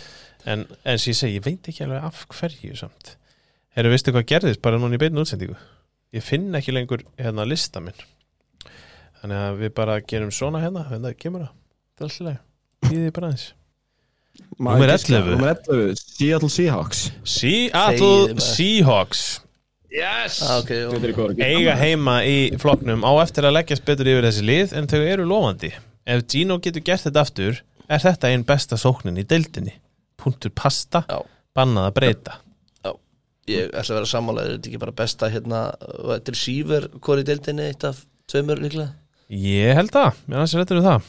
Já, ég var með Já, það ef að Jackson Smith and Jigba kemur sterkur inn þá Já. er þetta drullu gott DK og Tyler Lockett og Jackson, Jackson Smith og svo Noah Fant í, tætinu sem átti alveg upp og ofan Það er ekki eins og staðan sem að heilla mig mest. Kenneth Walker Já. og Zach Charbonnet eru líka alveg vel juicy Já, dæmið þarna já. sko. Bobby Wagner komin aftur sóknarlína er bara not good Hvað þið? Þessi sóknarlína er bara hashtag not good Nei, nei, en ég meina það er allt í lagi því að Drew Lock kemur þá bara inn og græðir þetta Þeir eru Gino tímabili bara verður að ganga upp þetta má ekki hafa verið eitthvað one hit wonder hjá þeim Nei, nei. En svo er bara vörninni með eins og sé Bobby Wagner kemur aftur hann og mér finnst að segja bara um, veist, hann er trú á ykkur þarna að fyrst hann kom hann aftur til Seahawks og, og ég bara já, ég var með þá í einu sæti fyrir neðan og ég hérna hann að samla þessu. Sko, Nei, einu sæti fyrir ofan fyrir ekki. Það hryggir mér þú að segja en þetta gæti verið bara eitt skemmtilegasta sekundar í NFL Já, Þeir eru með Woolen sem var alltaf þú veist þarna svolítið skugganum á Sos Gardner í, sem rookie cornerback. Svo var náttúrulega Devon Witherspoon sem var besti cornerbackin í síðasta draftklassi Quandri Diggs og Jamal Adams í safety er alveg sexy sko þannig að þetta er alveg þú veist það er hellingur þarna og Pete Carroll veit alveg hvað hann er að gera þess hann er eiginlega að eiga sko annað rebuild sem er svona að klára klárast núna. Þannig að bara þú veist, og hann er drullu gamall. Þannig að hver, bara- Pete Carroll? Já, bara kútos á þá. Já, ég, ég samlar ég, ég, Þetta kemur, sko, viðkynna kemur svolítið óvart hvað þeir eru komnir fljótt upp aftur Já, Ég átti ekki já, vonað- galið. Það er bara eitt rísætt draftklass. Já, já, eitt er að, já, akkurat, hittu bara á bara- draftklassi og þá eru konur þetta aftur. Algjörlega. Má ég þá fara í næsta? Endilega, Það eru tvö lið í uh, nummer 10 og 9 maður ekki skar Hjá mér líka. Það heitir Me og Þjálfaravesen. Ó, Ó, ok, Númer 10 er ég með Chargers. Nei, Kúregana Ú, frá Dallas. neðarlega. Já, Jæja. Uh, Mike McCarthy er það eina sem er að Þeir áttan reyka þjálfarnir ég, ég, ég, ég, get alveg verið sammálaður. Mér finnst bara, ég horfði á rústur þeirra og ég kom þeim bara ekki neðar en sjötta.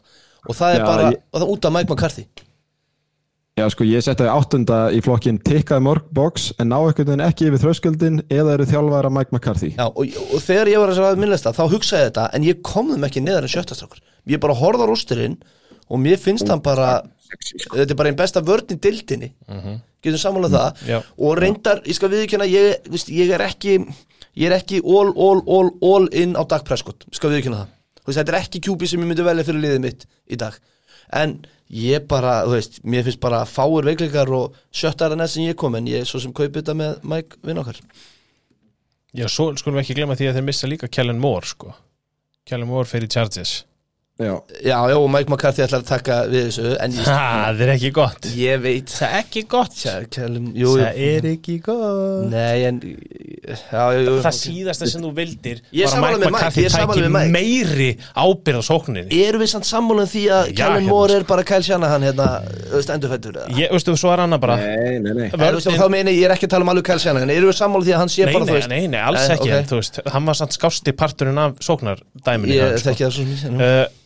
Ég svo ég er ekki svona, mér finnst þessi sókn ekki svona dundur. Þú veist, þessi va- sóknarlína var vombriði í fyrra. Já, ok. Var ekki eins og, þú veist, við við svona svipa á Colts apparati í rauninni. Gallup, jú, jú, fín, Brandon Cooks. Yeah. Jú, jú, þeir þurftu Hann er vannmetinn Já, Já, þeir þurftu annan, annan, væti samt- eftir Síti Lamb. Þetta er enn eitt ha, já, Síti Lamb er þarna náttúrulega já sko. ég, ég held að vera að meina eftir eins og hann var í farin. Nei. hérna þetta er samt svona dæmi um sko einn af mínum bestu handbóltavinnum Raggi Jó skoraði líka alltaf 13 mörk í selfósi þið gáttu samt aldrei neitt sko.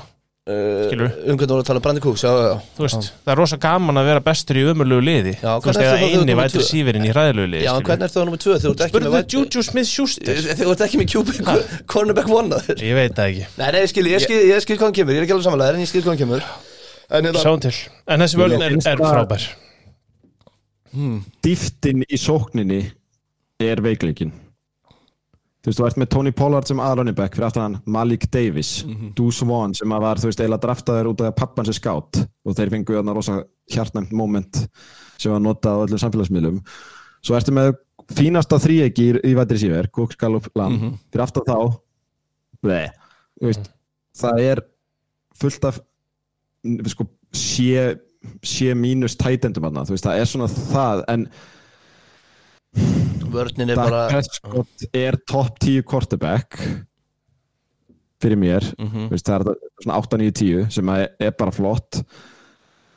Ég, þú veist, mér finnst bara einhvern veginn eins og allt fyrir neðan startir hana bara um leið og þeir fyrstu meðslinn detta inn þá fer þetta einhvern veginn allt á hliðina.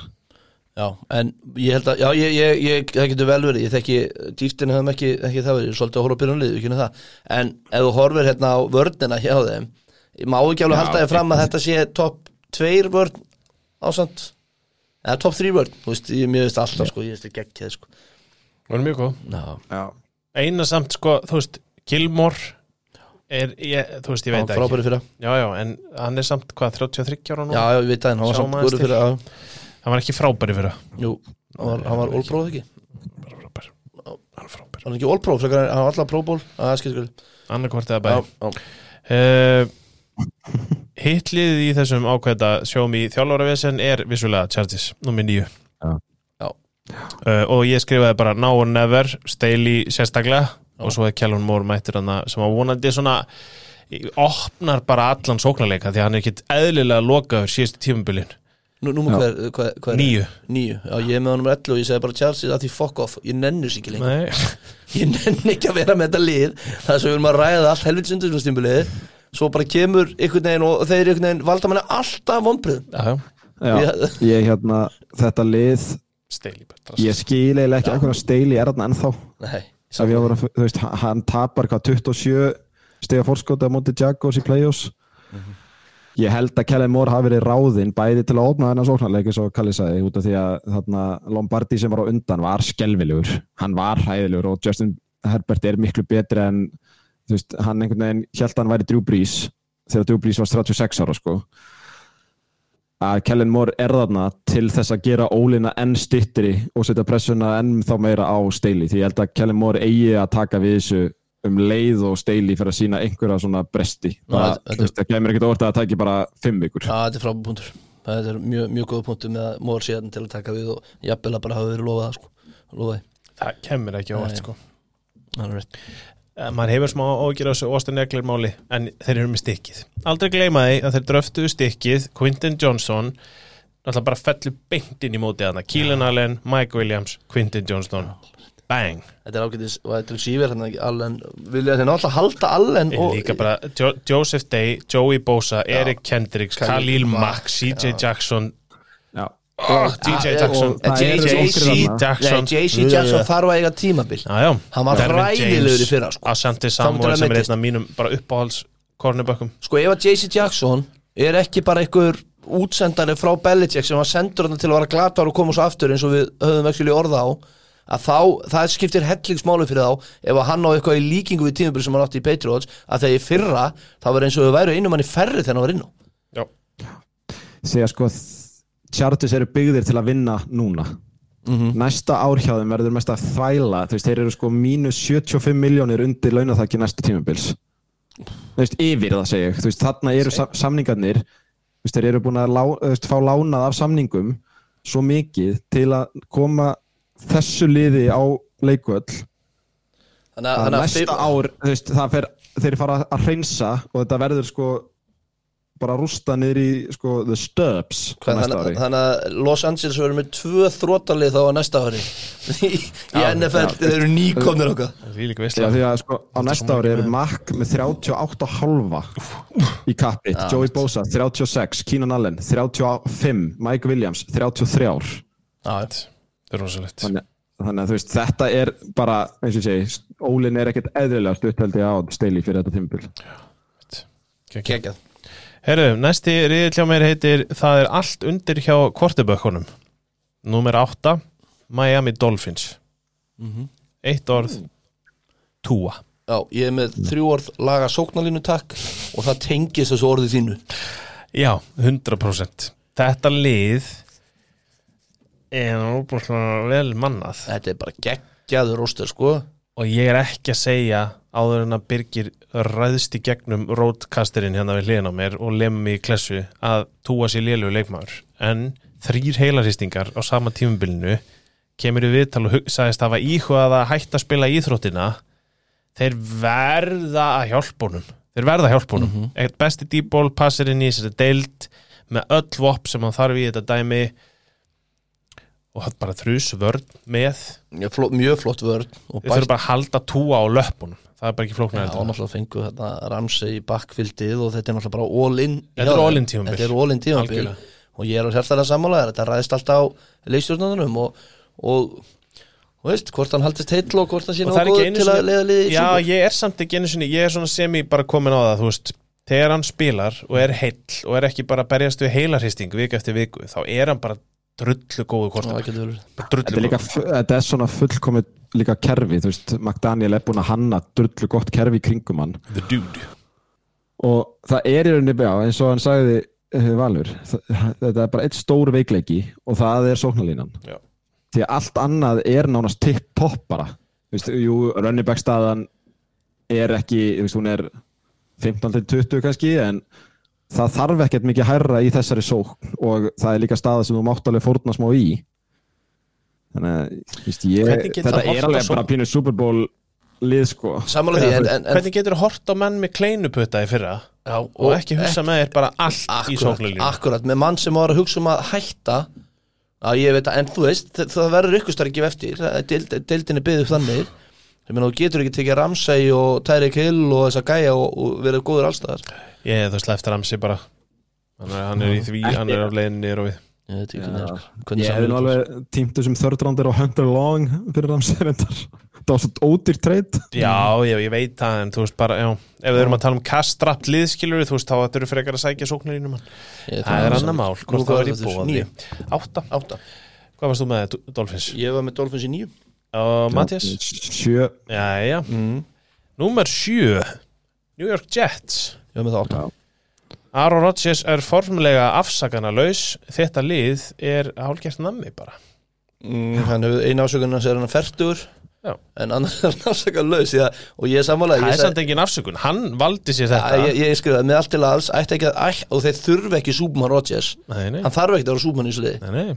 Og hérna bara góður og solid Rodgers og þá er þetta litið alls líklegs Þetta er ekkit eðlilega stakt atriði hérna sko. Hvað segir Mattias? Já, ég er mjög spenntið fyrir þessu og veist, það er náttúrulega svipaður veikleiki þar og hjá Miami. Það er sóknarlínan sem er alveg erfitt. Þú veist með fertugan quarterback. Sem eru pyrraður Já, og svona, en þú veist, og svo er þetta kannski ekkert það geggjað vætri síverkort, þú veist, með einn ógeðslega spennandi í Garrett Wilson, Lazard er vætri síver þrjú, Mikael Hartmann er vætri síver þrjú, Corey, Co- Corey Davis er vætri síver þrjú, svo ertu með, þú veist, Randall Cobb, veist, þetta er ekkert, og Titan staðan er hver? Tyler Conklin, veist, þetta er ekkert, en þeir eru með geggjaðan hlaupa leik, góðan quarterback sem ætti nú að rífa mennina upp ef hann nær, nær að standa stöður og náttúrulega börnin er náttúrulega frábær þannig að veist, þetta er legit now or never. Ég Meni, þetta, er bara, þetta er bara eitt besta vætri sífukossan sem maðurinn hefur spilað með í síðustu svona þrjú, fjögur árin. Já, það er bara alveg góð Já, Devonti Adams og svo var bara, einmitt Lazard var bara annar vætri sífurinn Já, þá er þetta bara sama. Er að segja, er Adams bara- og Wilson sem, og Adams er betur en Wilson en það var engin þristur eins og Michael Hartmann í Packers. Nei, Ég er að hugsa, jú, ég eru glögt um hann ég er að segja síðustu tvö, þrjú ár, þrjú, fjögur árin, já. Eh, Þannig að mér finnst þetta ekki, ég meina, gefðu Rodgers ás og svo fína, þó að séu þristar í rest og það er líka það annað, það er breytt að því að Rodgers velur sér bara hverju spila 2 og 3, þú getur sett upp hérna starting 3 og það eru bara þeir sem að Rodgers vill hafa starting 3 sko. Það sem ég horfa á þegar ég er að spá þessu liði góðskengis er líka að Brís Hall er að koma tilbaka. Mhm. og það munar heldur betur um það fyrir Rodgers og bara alla. Og þá ertu komið með þetta dúo í Hall og Wilson sem er bara, með, bara mest, mest spennandi unga dúo í dildin í Rönnubæk Vætri Sýver Jep. og svo þennan QP til að stýra þeim og, og, og lefina ég þetta verður ótrúlega áhugavert. Og svo eru þau með elitu vörd, það má ekki glemma því. Nei, að þessi vörd, ég meina þeir voru með Zach Wilson á off-ári í fyrra. Og hugsaðu hvað það er lélegt. Og þeir, þeir hérna, þú veist, eru hálsbreyt frá play-offs. En svo eru þeir náttúrulega líka orðinir Sönderland pakkas manna sko, þú veist, hvernig þeir eru enda með Adrian Amos, þeir Já. enda með Cobb, Lazard, þú veist, þeir eru bara já, samka þessi leikmennum en sjáum til, Greg Sherline place kicker, Greg the leg. Stacked liðstrókar Staktlið, það verður skemmtilegt. Númer 6 er ég með Ravens? Og ég sagði bara, jæja Lamar spilaði nú alla leiki og farðu alla leið. Já, að mínu talandi pínulítið um það er ekkit rosalega margar afsakanir eftir núna. Nei. Nú, ég er ekkert, ég er svo að kaupa svo ógeðslega mikið að brefum í þetta lið Já, að ég eiginlega skammast mín. Þeir eru ofar en ég hefði giskað á í gerðmorgun Sorry, ég er alltaf að spyrja, þetta var nummer 7 6 6, ég, og ég með það nummer 5 en ok, alltaf hún já, Ég, var einmitt að lesa hans um hennan Todd Monken sem var að taka við af Róman sem offensive coordinator sem var nú komin tími til sko. og með ef hvernig honum er líst og hvernig sóknar spila þá er hann fullkomin fyrir þetta dæmi sko. ep Þú veist, er uh, til í big plays en vil uh, hlaupa, nota, uh, tegja á og þetta er bara og ég einmitt talandi um roster þá var maður að skoða þennan roster og hann er rosalur hann er hann er nefnilega, já, hvað segir Matti? Já, ég er bara sjúklega spenntur að sjá þetta. Veist, við erum með náttúrulega násið loksins í vætri receiver core. Við erum ekki að horfa á Devin Duvernay sem vætri receiver 1 út af því að Bateman mittist -hmm. sem að er bara thank the lord, veist, Mark Andrews náttúrulega drullugóður er, og erum með Bateman, Flowers og Beckham. Og Nelson Aguilar er þetta, þú veist, allt í lægi það er bara flottur vætri receiver fjögur þess vegna. Og eins og þú sagðir með Todd Monken, það er náttúrulega stæsta því.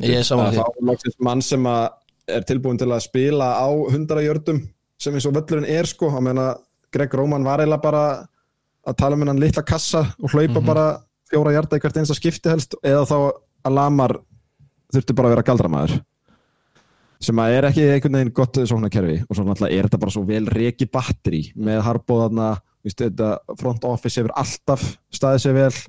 Þannig að þetta er eitt af þessum solid liðum sem einhvern veginn þó þeir myndu reyna þá gætu þeir einhvern veginn ekki verið lélegir. Þeir eru alltaf í contention saman hversu þú veist upp og niður það er. Og einhvern veginn ég held að þetta verði alveg fárálega skemmtilegu sóknarleikur. Ég er samanlega því og talandu það, þá fara þeir náttúrulega í playoffsi fyrra og tapa tæft fyrir Bengals með vara QB QB-in sinn. Er eftir að tala um Pro Bowler Ted Hundley? Huntley, já, en það verður samt að segja að það er komin tími til að þetta lið fara að gera eitthvað í playoffs. Þeir bara Lamar Jackson það bara hanga upp réttur þegar það kemur að playoffs. Já, en bara almennt, hversu Já, oft hefur Ravens tapað í fyrstu umfyrir playoffs? Allt og oft allt og oft. Ég er svona mestar á að gera pass rushinni hjá þeim Já, Þeir eru svona, það er ekkit sérlega gott en þeir eru mistu hérna, hvað hva heitir aftur defensive coordinator hjá Giants núna? Gamli, netti, flotti. Við- við- Hann er það vink, hvað heitir hann? Martin. Dill Martin veist, hann er alltaf fór þannig að þetta fór svolítið niður á við en hann er alltaf annað ári í þessu system þannig að kannski gengur þetta betur en já, það er eiginlega pass rushin sem maður gæti fælt á sem er alveg risastór partur eða ætlar langt í play-offs. Já, ég mitt sko ég, ætlaði mitt að vera með lista lið sem fara ekki í súból en ég missi ekki hugun í gólfið að fara í súból og Ravens er bara toppnum þar eila sko ég hef ekki trúið að þeir fara í súból ykkur vegna bara að fenginu reynslu. En ef þeir vinna súból það kemur ekkert óvart, þetta er mjög spennandi lið. Síðasta liðið í þessum reyli hjá mér það er allt undir hjá QBs er lið nummer 5 það eru Buffalo Bills. Og ég Já. skrifaði einfallega hvað eru Bills annað en vombriði ár eftir ár? Þeir eru sjöndasættið á mér. Af því að ég treysti Josh Allen ég, ég treysti Josh Allen ekki eins vel og ég gerði áður. Ég, ég veit að hann var með, hann var með fínt stati fyrir að hellinga töstunum og svona en mér fannst hann aftur vera smá að detti 50-50 Josh Allen skiljið Já, tók skrifa aftur og Já, bara mér fannst það. Mattias? Já, ég er náttúrulega að sagði það hérna einhvern tímann í byrjun sumas að hottækja mitt væri að Bills væri böstlið ásins Mm. og ég er pínu svona farin að hallast að því að Josh Allen hafi toppað á hárréttum tíma upp á samning að gera er svona pínu svona farið að komast á radarinn hjá mér. Hann átti þarna, hvaða tímabil var það aftur sem hann tók hann að risastökkið? Já, 20, 19, 20, nei 20 Já, ég skemmt ekki máli. 21. Já, 21, Já, 21. 20, 21 svo einhvern veginn fór þetta svolítið niður á við en svo veit maður aldrei, mér, mér aldrei fundist þetta svo, þessi sókn eitt rosalega spennandi. Alltaf einhver, einhver þú veist bara einhver ruslatunna í ru- running back Stefan Diggs, svo er þetta bara ekkert. Mm. þú veist Gabe Davis átti jú frábæran playoff leik og þá átti hann bara að vera geggja að veitir sér tvö svo náttúrulega hverfur hann bara, hann á bara þú veist, 50 hver leikur hjá hann með góður. Þannig ef þetta er ekki Stefan Diggs að fá svona 17 target þá er þetta bara Josh Allen að leggja sig í hættu. Það, einhvern veginn, þannig að ég einhvern veginn og mér fannst þeir heldur ekki gera mikið í að bæta þetta heldur og enda fóru náttúrulega Stefan Diggs í einhverja fíla á þennan daginn og það er Dalton Þetta Kincaid, tight end, spennandi. Það Spennandi, ég- já, ég, ég er spennt fyrir honum hann er drullu góður sko segðu og dröfnir. saman þarna. end. Og svo fáið Von Miller náttúrulega Damien Harris ég er ekki með öll hlutabrifin hans en ég kefti smá bunga Og Von Miller eh, kemur aftur sko, sko, það, er, það, er, það er hellingu þar bara þú horfir sko á Vörnin er mjög góð. Já, þú ert að tala um Ebenenza, Jordan Phillips, Shaq Lawson er ekki eins og í starterar mm Mhm. -hmm. Skilur við uh, þar, já, þeir hafa ekki bætt sér greiðlega þar. En mér finnst ég ekki geta sett Bills veginn, já svo erfitt með þá mér finnst ég vera að setja á neðarlega. En það er sennilega Já, bara sangjant skilur við Ég er, eh, hvað er þetta, svo, sorry, ég er náttúrulega vangi Ég er með fimm, þú með sjö. Ég er með sjö, já. Og að mér heyrist þá er Mattias með og Það er ekkert lið sem er fyrir ofan þá sem við getum sett á fyrir ofan. Ég, fyrir ég neða var og sem getur með- sett fyrir hann Neðan er ekki fyrir ofan eða þú fyrir að ég veit ekki alveg hvort að segja eða, eða, þú veist, eða, Þú getur ekki tekið neitt af efstu fjórulegunum og, Og sett fært það þá niður fyrir. Niður fyrir Ég ég myndi ekki gera það en mér heyrist Matti hafa gert það Gerðu þú það Nei, Matti? ég, ég, ég er með það á nummer 5 sko. Já, ok, og, fannst, og mér fannst ég vera pínu hot take artisti þar sko. Nei, nei, mér, ég- mér finnst ég, bara- mér finnst það mjög kalt ég hef, ég hef svona, þú veist, mér hef ekki tótt liðin þrjú sem ég var að talja upp fyrir neðan eru með betri roster heldur en Bill sko Ég var sko með Bills 7, Cowboys 6 og Ravens 5 náttúrulega Cowboys atrið er náttúrulega bara, sorry, ég, það er bara bull sko. það er bara sjá, teljum upp á kossunum Teljum upp á kossunum Teljum upp á kossunum eins og við höfum alltaf gert, þá fyrir við alltaf tilbaka í mitt yes. Já, nákvæmlega. Herðu, bestu liðin þau eru öll saman Mhm. í flokki númer 1 fjórða lið hjá mér er Cincinnati Bengals. Ok. Ég er með hot take þar. Og ég skrifa einfallega að þeir missa bara full góða varnamenn úr öftustu línu hjá sér þess að ég geti sett á fyrir ofan þrjú liðin sem eru obviously fyrir ofan mm -hmm. skilji en annars er þetta helvíti gott fótballalið þeir er helvíti Já. góðir. Yep. eru þið með það ofan en ég? Já, ég með um þrjú. Eh, Já, ég er líka. Ég með. Chiefs 4 þrjá. Ég með Chiefs nummer 4 með tíf nummer Já, ég held að vinni deildin en ég er samt með nummer 4 yfir Róstara og Power Ranking í dag. Já, já, ok, skemmtilegt já, já. Ég, meni, ég, ég held ég Þeir alveg eru Ég held ekki að, fjögur hjá mér ég en held að Kansas. City Chiefs endur þessu súbúlmestarar en þeir eru nummer 4 í Power Já, Ranking já. hjá mér núna Já, já. En ég er með Bengals nummer 3 Akkurat, þú ert náttúrulega eitthvað rugglaður sko. Mhm. já, já. já, það er, Ég hef ég, skil, ég skil hvað hún kemur. Já, ég meina Nú erum við komin á eftir, toppin og við munum segja sömu hlutunum og alla. En Já, ég menna Joe Burrow, Joe Mixon, Jamar Chase, T. Higgins, Tyler Boyd að mikið bætt sóknarlína bara eins og við sáum í fyrra vörnin hjá með bara þrusu fín, allir þar viðast bara ætla að hafa, voru bara allir svona þessi fínu miðlungs B mínus leikmenn og eru allir bara þrusu flottir. Já, Þessi 5 nöfn, fyrstu nöfn sem hún endur í sókninni. En nóg. Það er bara nóg. Já. Og, og, En vandamáli er samt pínu lítið að þeir bara mistu af, sko, Cam Taylor Britt er að koma að það Mm. en það vant, þeir, já, þeir hefðu alveg mátt. Hva, ég veit ekki, hvernig myndir þú orðaða Matti? Þú veist, þeir missa svolítið mikið úr öftustuðu, cornerback og safety stöðunum já, já, út af því að þetta er þeir, já, mér fannst þeir ekki leggja og hart í að bæta hóluna sem þeir fengu. Þannig að þetta gerist það með svona lið þegar missa leikmenn veist, í hærri samninga annar staðar. Þeir eru náttúrulega uh, spara fyrir Higgins og Burrow og Chase það var náttúrulega alveg líklegt að Higgins hverfi bara næsta ári. En ég er einhvern veginn komin á það stiga mér finnst bara Burrow vera langu næst besti kortebekkin í NFL Ég er sammálaður, hjartan að sammála því. Og það vegur eitthvað svo þungt í þessu, þú veist, út að sérstaklega þú ert með svona góða, þú veist, þessi þrýr vætri síðurar og Örnibæk gætu gert 16. besta kortebækkin í deildinni að topp 10 kortebæk, sko.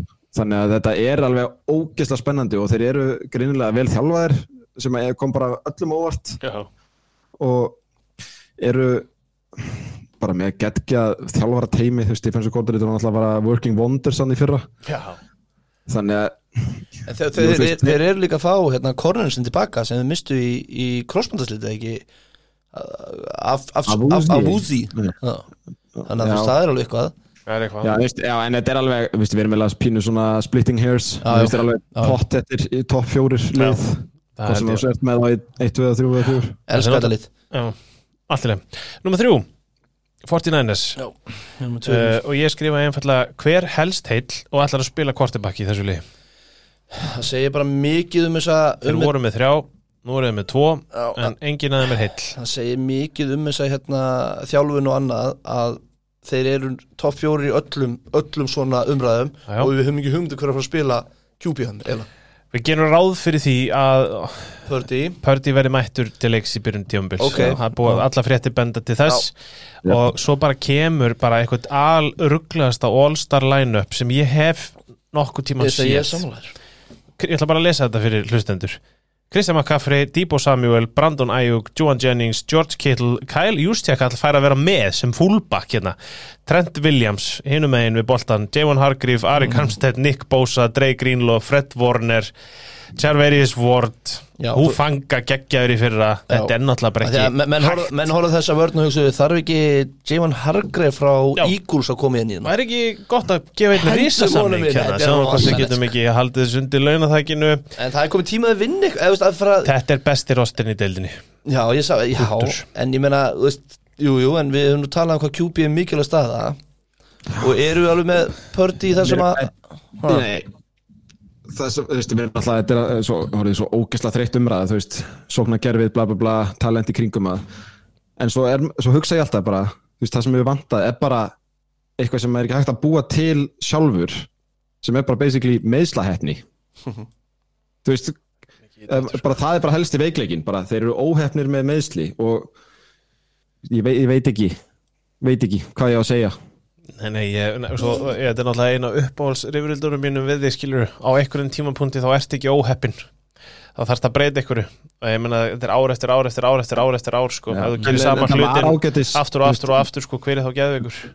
Þetta var, þú veist, þetta gekk ágætlega í fyrra, þetta var bara svona yfir meðalagi meittir og, og urðu svolítið heilir á réttum tímapunkti seint á sísoninu, þetta byrjaði ekki vel en allt í lagi, en svo náttúrulega kemur þessi fucking NFC Championship game sem var náttúrulega bara one of a kind síðan 1930 eða eitthvað sko, þú og mestu ombriði setni ára Já, bara þvílíkt spennandi matchup, þú veist, mm -hmm. geðveik lið að mætast og svo erum við alltaf einu komið með Brock Purdy inn sem quarterback fjögur því að hann er með heila vinstri hendi Mhm. og getur látið McCaffrey fá boltan og þá náttúrulega, er, þetta varð síðan bara aldrei neitt leikur, þannig hvað á að þú veist, þú horfir á þann leik og þú hugsaður bara, þú veist, hvað get ég gert betur? Bara vera bara með fimm quarterbacka sem eru allir average. Besta gríni af öllu er náttúrulega gallerið það pikkum sem fór í Trey já. skilur við sem að við erum ekki, erum ekki eins og að tala um og ESPN setja sem þriðja kortebakkin á baku Sam Darnold. En það er líka bara út af því að Darnold er einu sem er heitt Ég að segja það, þú veist, maður bara, þú, maður, það er ekki eins og niður rætt, þeir eru með allt nei. þetta lið og þeir hendu öllu í þetta fyrir tveimur ára síðan, sko. Þetta er þriðja tímbil hans. það sem betur fyrir nú það treyt bara búið Já, já, Já, en, en hvað hefðu getað valið ef þau ekki treytaði? Það er að það er horfa á einhver sko. máli skiptir borga bara fyrir hitt. Já, hvernig getur eitt lið bara verið með ok, Þú voru bara að ringi Jens út af því, ég veit ekki hvað ég á að segja við því. Herðu, númer tvö er ég með Philadelphia Eagles. Já, já, já. ég er nú með það nú eitt Ég, þetta er bara, þetta er eitt af uppbólslegunum mínum hérna, sko. ég, hérna, þeir missa alveg sterka posta en þeir ná líka einhvern veginn að ég meina, hanga missa á Hargrave, fá Jalen Carter í draftinu, skilur Æ, Algjörlega, en það er það sem ég er að segja Svo náðu þeir líka hanga, við höldum að menn sé að fara En þeir bara lokkaðu tilbaka Skilur já, Og Já. þú veist, þetta er, þetta er ekki eins slæmt og maður heldur Ég finn enga góða deft chart á þá, sko. Já, hérna er þetta. Bara með þóknina. En hérna, nei, vörnina segja Já, Þetta er bara meina, þeir eru með geðveikt lið. DeAndre og- Swift. Geðveikt lið, sko. DeAndre Swift, Rashad Penny AJ Brown, Devonta Smith. Svo bara, höldum bara Kenneth Gainwell og Boston Scott Gaurunum sem voru hérna bara síðustu þrjú árin. AJ Brown, Devonta Smith, Quest Watkins, Dallas Goddard. Oh, og bara með, bestu sóknar og varn eða, Geðveika Já, með topp þrý sóknar og varnalínu það er ekki oft sem maður getur sagt þetta. Nei. og það fleitið bara helviti langt í leik sem að vinst í the trenches sem að Já, og Bradbury sem þið heldu Eh, Þú veist, leikur er vinst í the trenches og þeir eru með bestu þar, já. topp þrýr Já, já. Hú, og, og var sæmilega breytt líka veist, þetta er náttúrulega bara þetta liði dundur. Dundur. En þeir þetta missa er- báða bæði sóknarþjálfaran og varnarþjálfaran Já, í head coaching stöður annars þar það er ekkit sérstætt nei, það er alveg eitthvað til að fylgjast með. Já, já. En rósterinn er helviti sterkur það fyrir það. Og konum með Markus Mariota í bakkvöpi og ég er ekki að grínast. Það er alveg það er töff sko. Mm. Það er sniðut ég veit ekki, hafið þið eitthvað meira með þetta að segja? Nei, nei, bara, Ég, en ég mér finnst þetta bestir. að vera uh, besti rosturinn út af því að þú ert með quarterback. Já, ég er samlega Ég, ég skal kaupa það. En mér finnst reyndar Niners rostin líka góður ef að Brock já. verður eitthvað eins og verið fyrra en ég er sammálar í kaupa alveg Mikls Já, að þú veist, þetta er líka, ég veit ekki af hverju þeir þeir eru með hérna, við erum með 49ers sem eru, eins og þú sagðir, All- All-Star. Svo erum við með þetta lið, en þetta lið einhvern veginn er með svona vibe yfir sér sérstaklega eftir draftklassið og DeAndre Swift treyti. Bara, manni finnst þeir vera að fá allt upp í fokkin hendurnar hérna. Já, ég meina fyrra þeir, já, sem að, svona, þetta er meira svona hinliðin eru léleg og það er alveg ástæð fyrir því já, hérna reyndar. kemur þetta ekki úr ykkur alhörðust átt sem ég heilt átt, Kalli. Nei, Matti. Jesus Christ maður. Hey, Kalli Matti. Hvað, ég var að segja þú veist það, við erum með tvö lið en þetta lið, þú veist, náttúrulega fengur geðveikt draftpick og, og svo bara kemur besti varnamæðurinn og lígur á löggunni og fellur til þeirra og svo bara fá þeir hérna, þú veist, allir gæjarnir sem að manni hafði vonað að það væri í first round fá þeir bara í second round og Já, þetta er eitthvað svona veist, ef að 49ers væri með GM-in frá Eagles þá væri þið búin að vinna svona fjóra af síðustu fimm sko. Ég gæti verið sammála því. Í alvegni tala sko. Mm.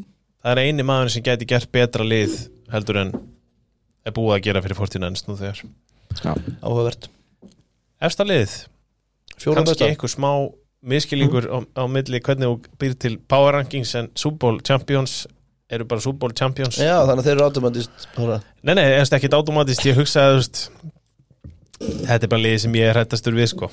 Þetta er bara, Já, já, ég kaupa það En hérna málega er ég- við sko, sko ég skrifaði mér. Já nei ég veit ekki. Ég skrifaði að ég neita að trúa því að Kansas City Chiefs getu unni með þetta vætir síver kor aftur og svo bætti ég reynda við að gera sko ég sagði það ég neita bara að trúa því, ég get unni þetta vætir sko þegar, þegar, þegar hlaupaleikurinn er ekki betur en hún er. Þannig. Og hérna og, og ég bara ég, aftur og ég sagði þetta í byrjun að þeir eiga örg eftir að vinna þetta. Já, og ég er ekki að tala illa um City Chiefs, almáttuðu guð. En ég horfið samt á þetta og ef við erum að tala um liðin sem eru þremur fyrir neðan ef við lesum rosterinn þar Já, já. en það er leikmann fyrir leikmann. Leikmann fyrir leikmann. En það er eitt nafn sem er öðruvísi og það er Patrick Mahomes. Og þess vegna skilja alveg hann sé nummer eitt hjá ykkur. En þetta er alltaf mitt teika á þetta. Unicorn.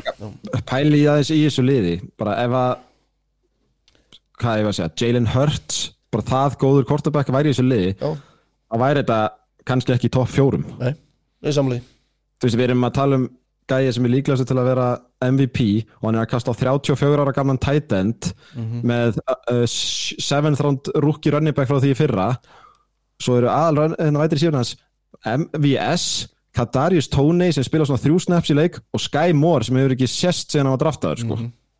og þarna erum við bara með líklegasta MVP-in og þetta er bara ekki Já, og meina- vörnin er ekki einu sinni, vörnin er ekki einu sinni sko top 5 Nei, Nei, nei, þú veist, það en- hefur aldrei verið og verður aldrei. Þann- Þannig að basically það er einn maður sem að hendir honum á toppin hjá ykkur já, Ok. eða Já, tveir. Ég held að Tveir. það sé tveir, reyndar tveir og 30, hinn er 34 ára. Ég held að það sé Nei, reyndar hinn er Andy Reid.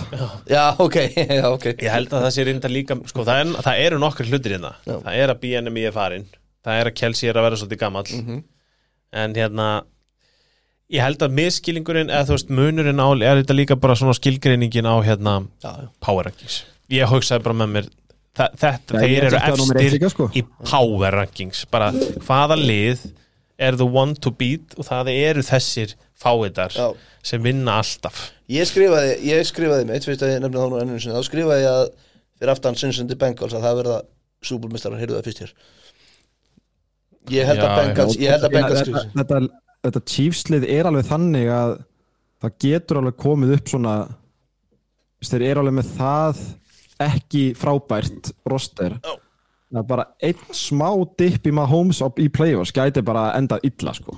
Bara ef hann á smá ofdag eða eitthvað en sá ofdagur er svona nei, mitt, En talandi um- vill vona það. Já, en talandi um belt og axlabönd að þá nenni ég ekki að fá í hvert einasta skipti sem að þeir skora 50 stig í, vetur og eða eru konu með 7-0 dæmi að ég hef sagt að það veri lélegir að því það er enga með þannig. Og ég skil 100% að þeir séu nummer 1 hjá okkur en þeir skili hvað ég er að koma. Það er einhverjir, harðir hjarta sem er að Kalli, ég er að valsakun. þig, Kalli. já, já, þú munt fá að heyra það frá mér. Það er- það er bara, ég er alls ekki að meina og ég, eins og ég sagði, það er bara að tvítryggja hérna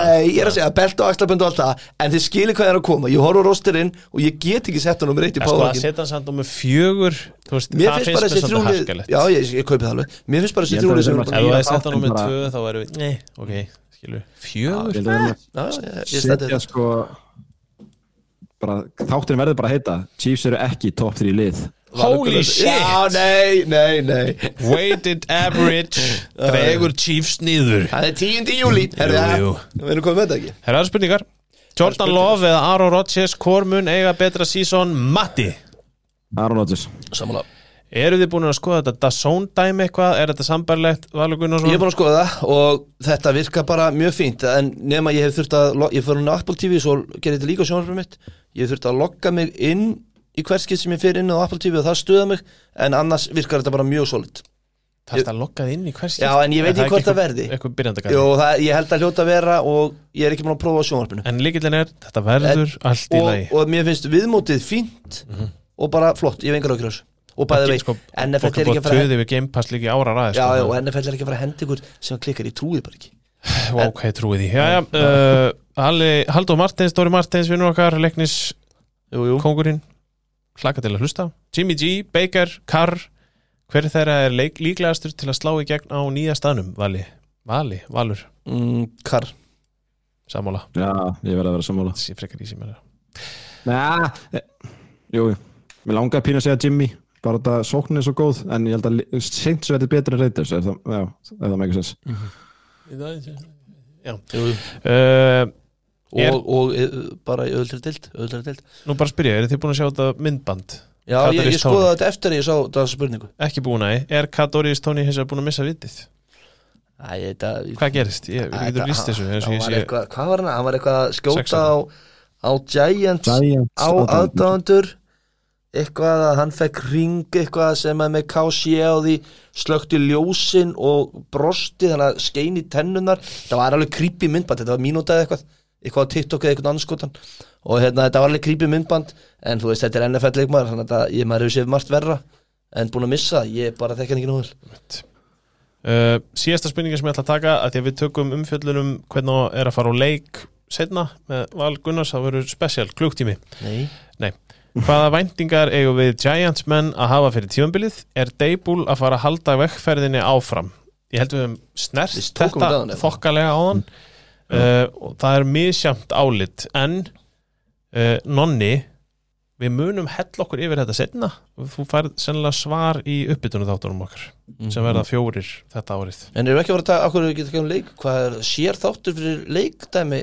Já, já. Nei, mann Ég er að það bulla, ertu eitthvað bilaður? Viltu fara í gegnum þetta? Já, okkur ekki Mér langaði bara að fara heim sko. bara- Klukkan, er klukkutíma og 48 mínútur komnar á klukkuna sko. Já, já, heyrðu, þetta Já, vil, Við getum gefið okkur betri tíma í þennan S- Í þátt, þannig þátt, já, svo langt síðan síðast Já, já. Ég ætla nú að segja samt að þetta er náttúrulega misett hvernig fólk fer á öllin Ég hef alltaf heyrt Fórst að, náttúrulega að þann vesta sko. Nei, ég, ég fara á tviss Ég fór á Lambo, eða ég fór á Minnesota, Lambo og svo Washington núna Það er þrísvar Já, og fólk er alltaf að tala um að göggja í tailgate dæmi og, og það var fín Já, já, En það má ekki að mér hef samt gert of mikið úr því já. Og hérna, það sem mér finnst skemmtilegast er að fara hann á völlin og njóta þess að vera þar var orðin hinskilin bara sko og þú getur labbað um eins og við Washington sem var bara fín þá getur þú bara labbað um og ég var bara alveg uppi þegar ég voru að hitta upp Lassart með fótboltan og svona. Ég hefði alveg mest gaman að því. En auðvitað eru menn að mæra þessi tailgate partin ég er bara svo djúr gamall. Matti hvernig fannst þér?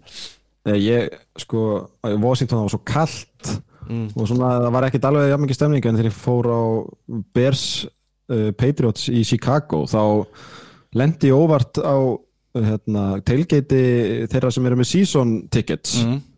á því plani? Og þau, það var einhver kona sem gaf mér bara heitt eplavín og gaf mér samlokur og nammi og tók okkur bara undir sinn venda vang og sagði sögur af afa sínum sem átti miðan og þetta var alveg geðveikt dæmi sko. Mm þannig að ég hef bara góða sögur að segja af tailgate Já, þannig að já, akkurat en þú veist, já, já, ég skil þig. En það er samt að drekka eplavín og fá gefins þetta er bara, já, ok, þetta er fínt Það var gaman. Ég trúi því, þetta er, þetta er ógislega gaman. Ég hef skemmt mér á öllum leikjum sko. Guðmundur, svo getur alltaf bara ringt þér upp á þér í símaskráni um, Já.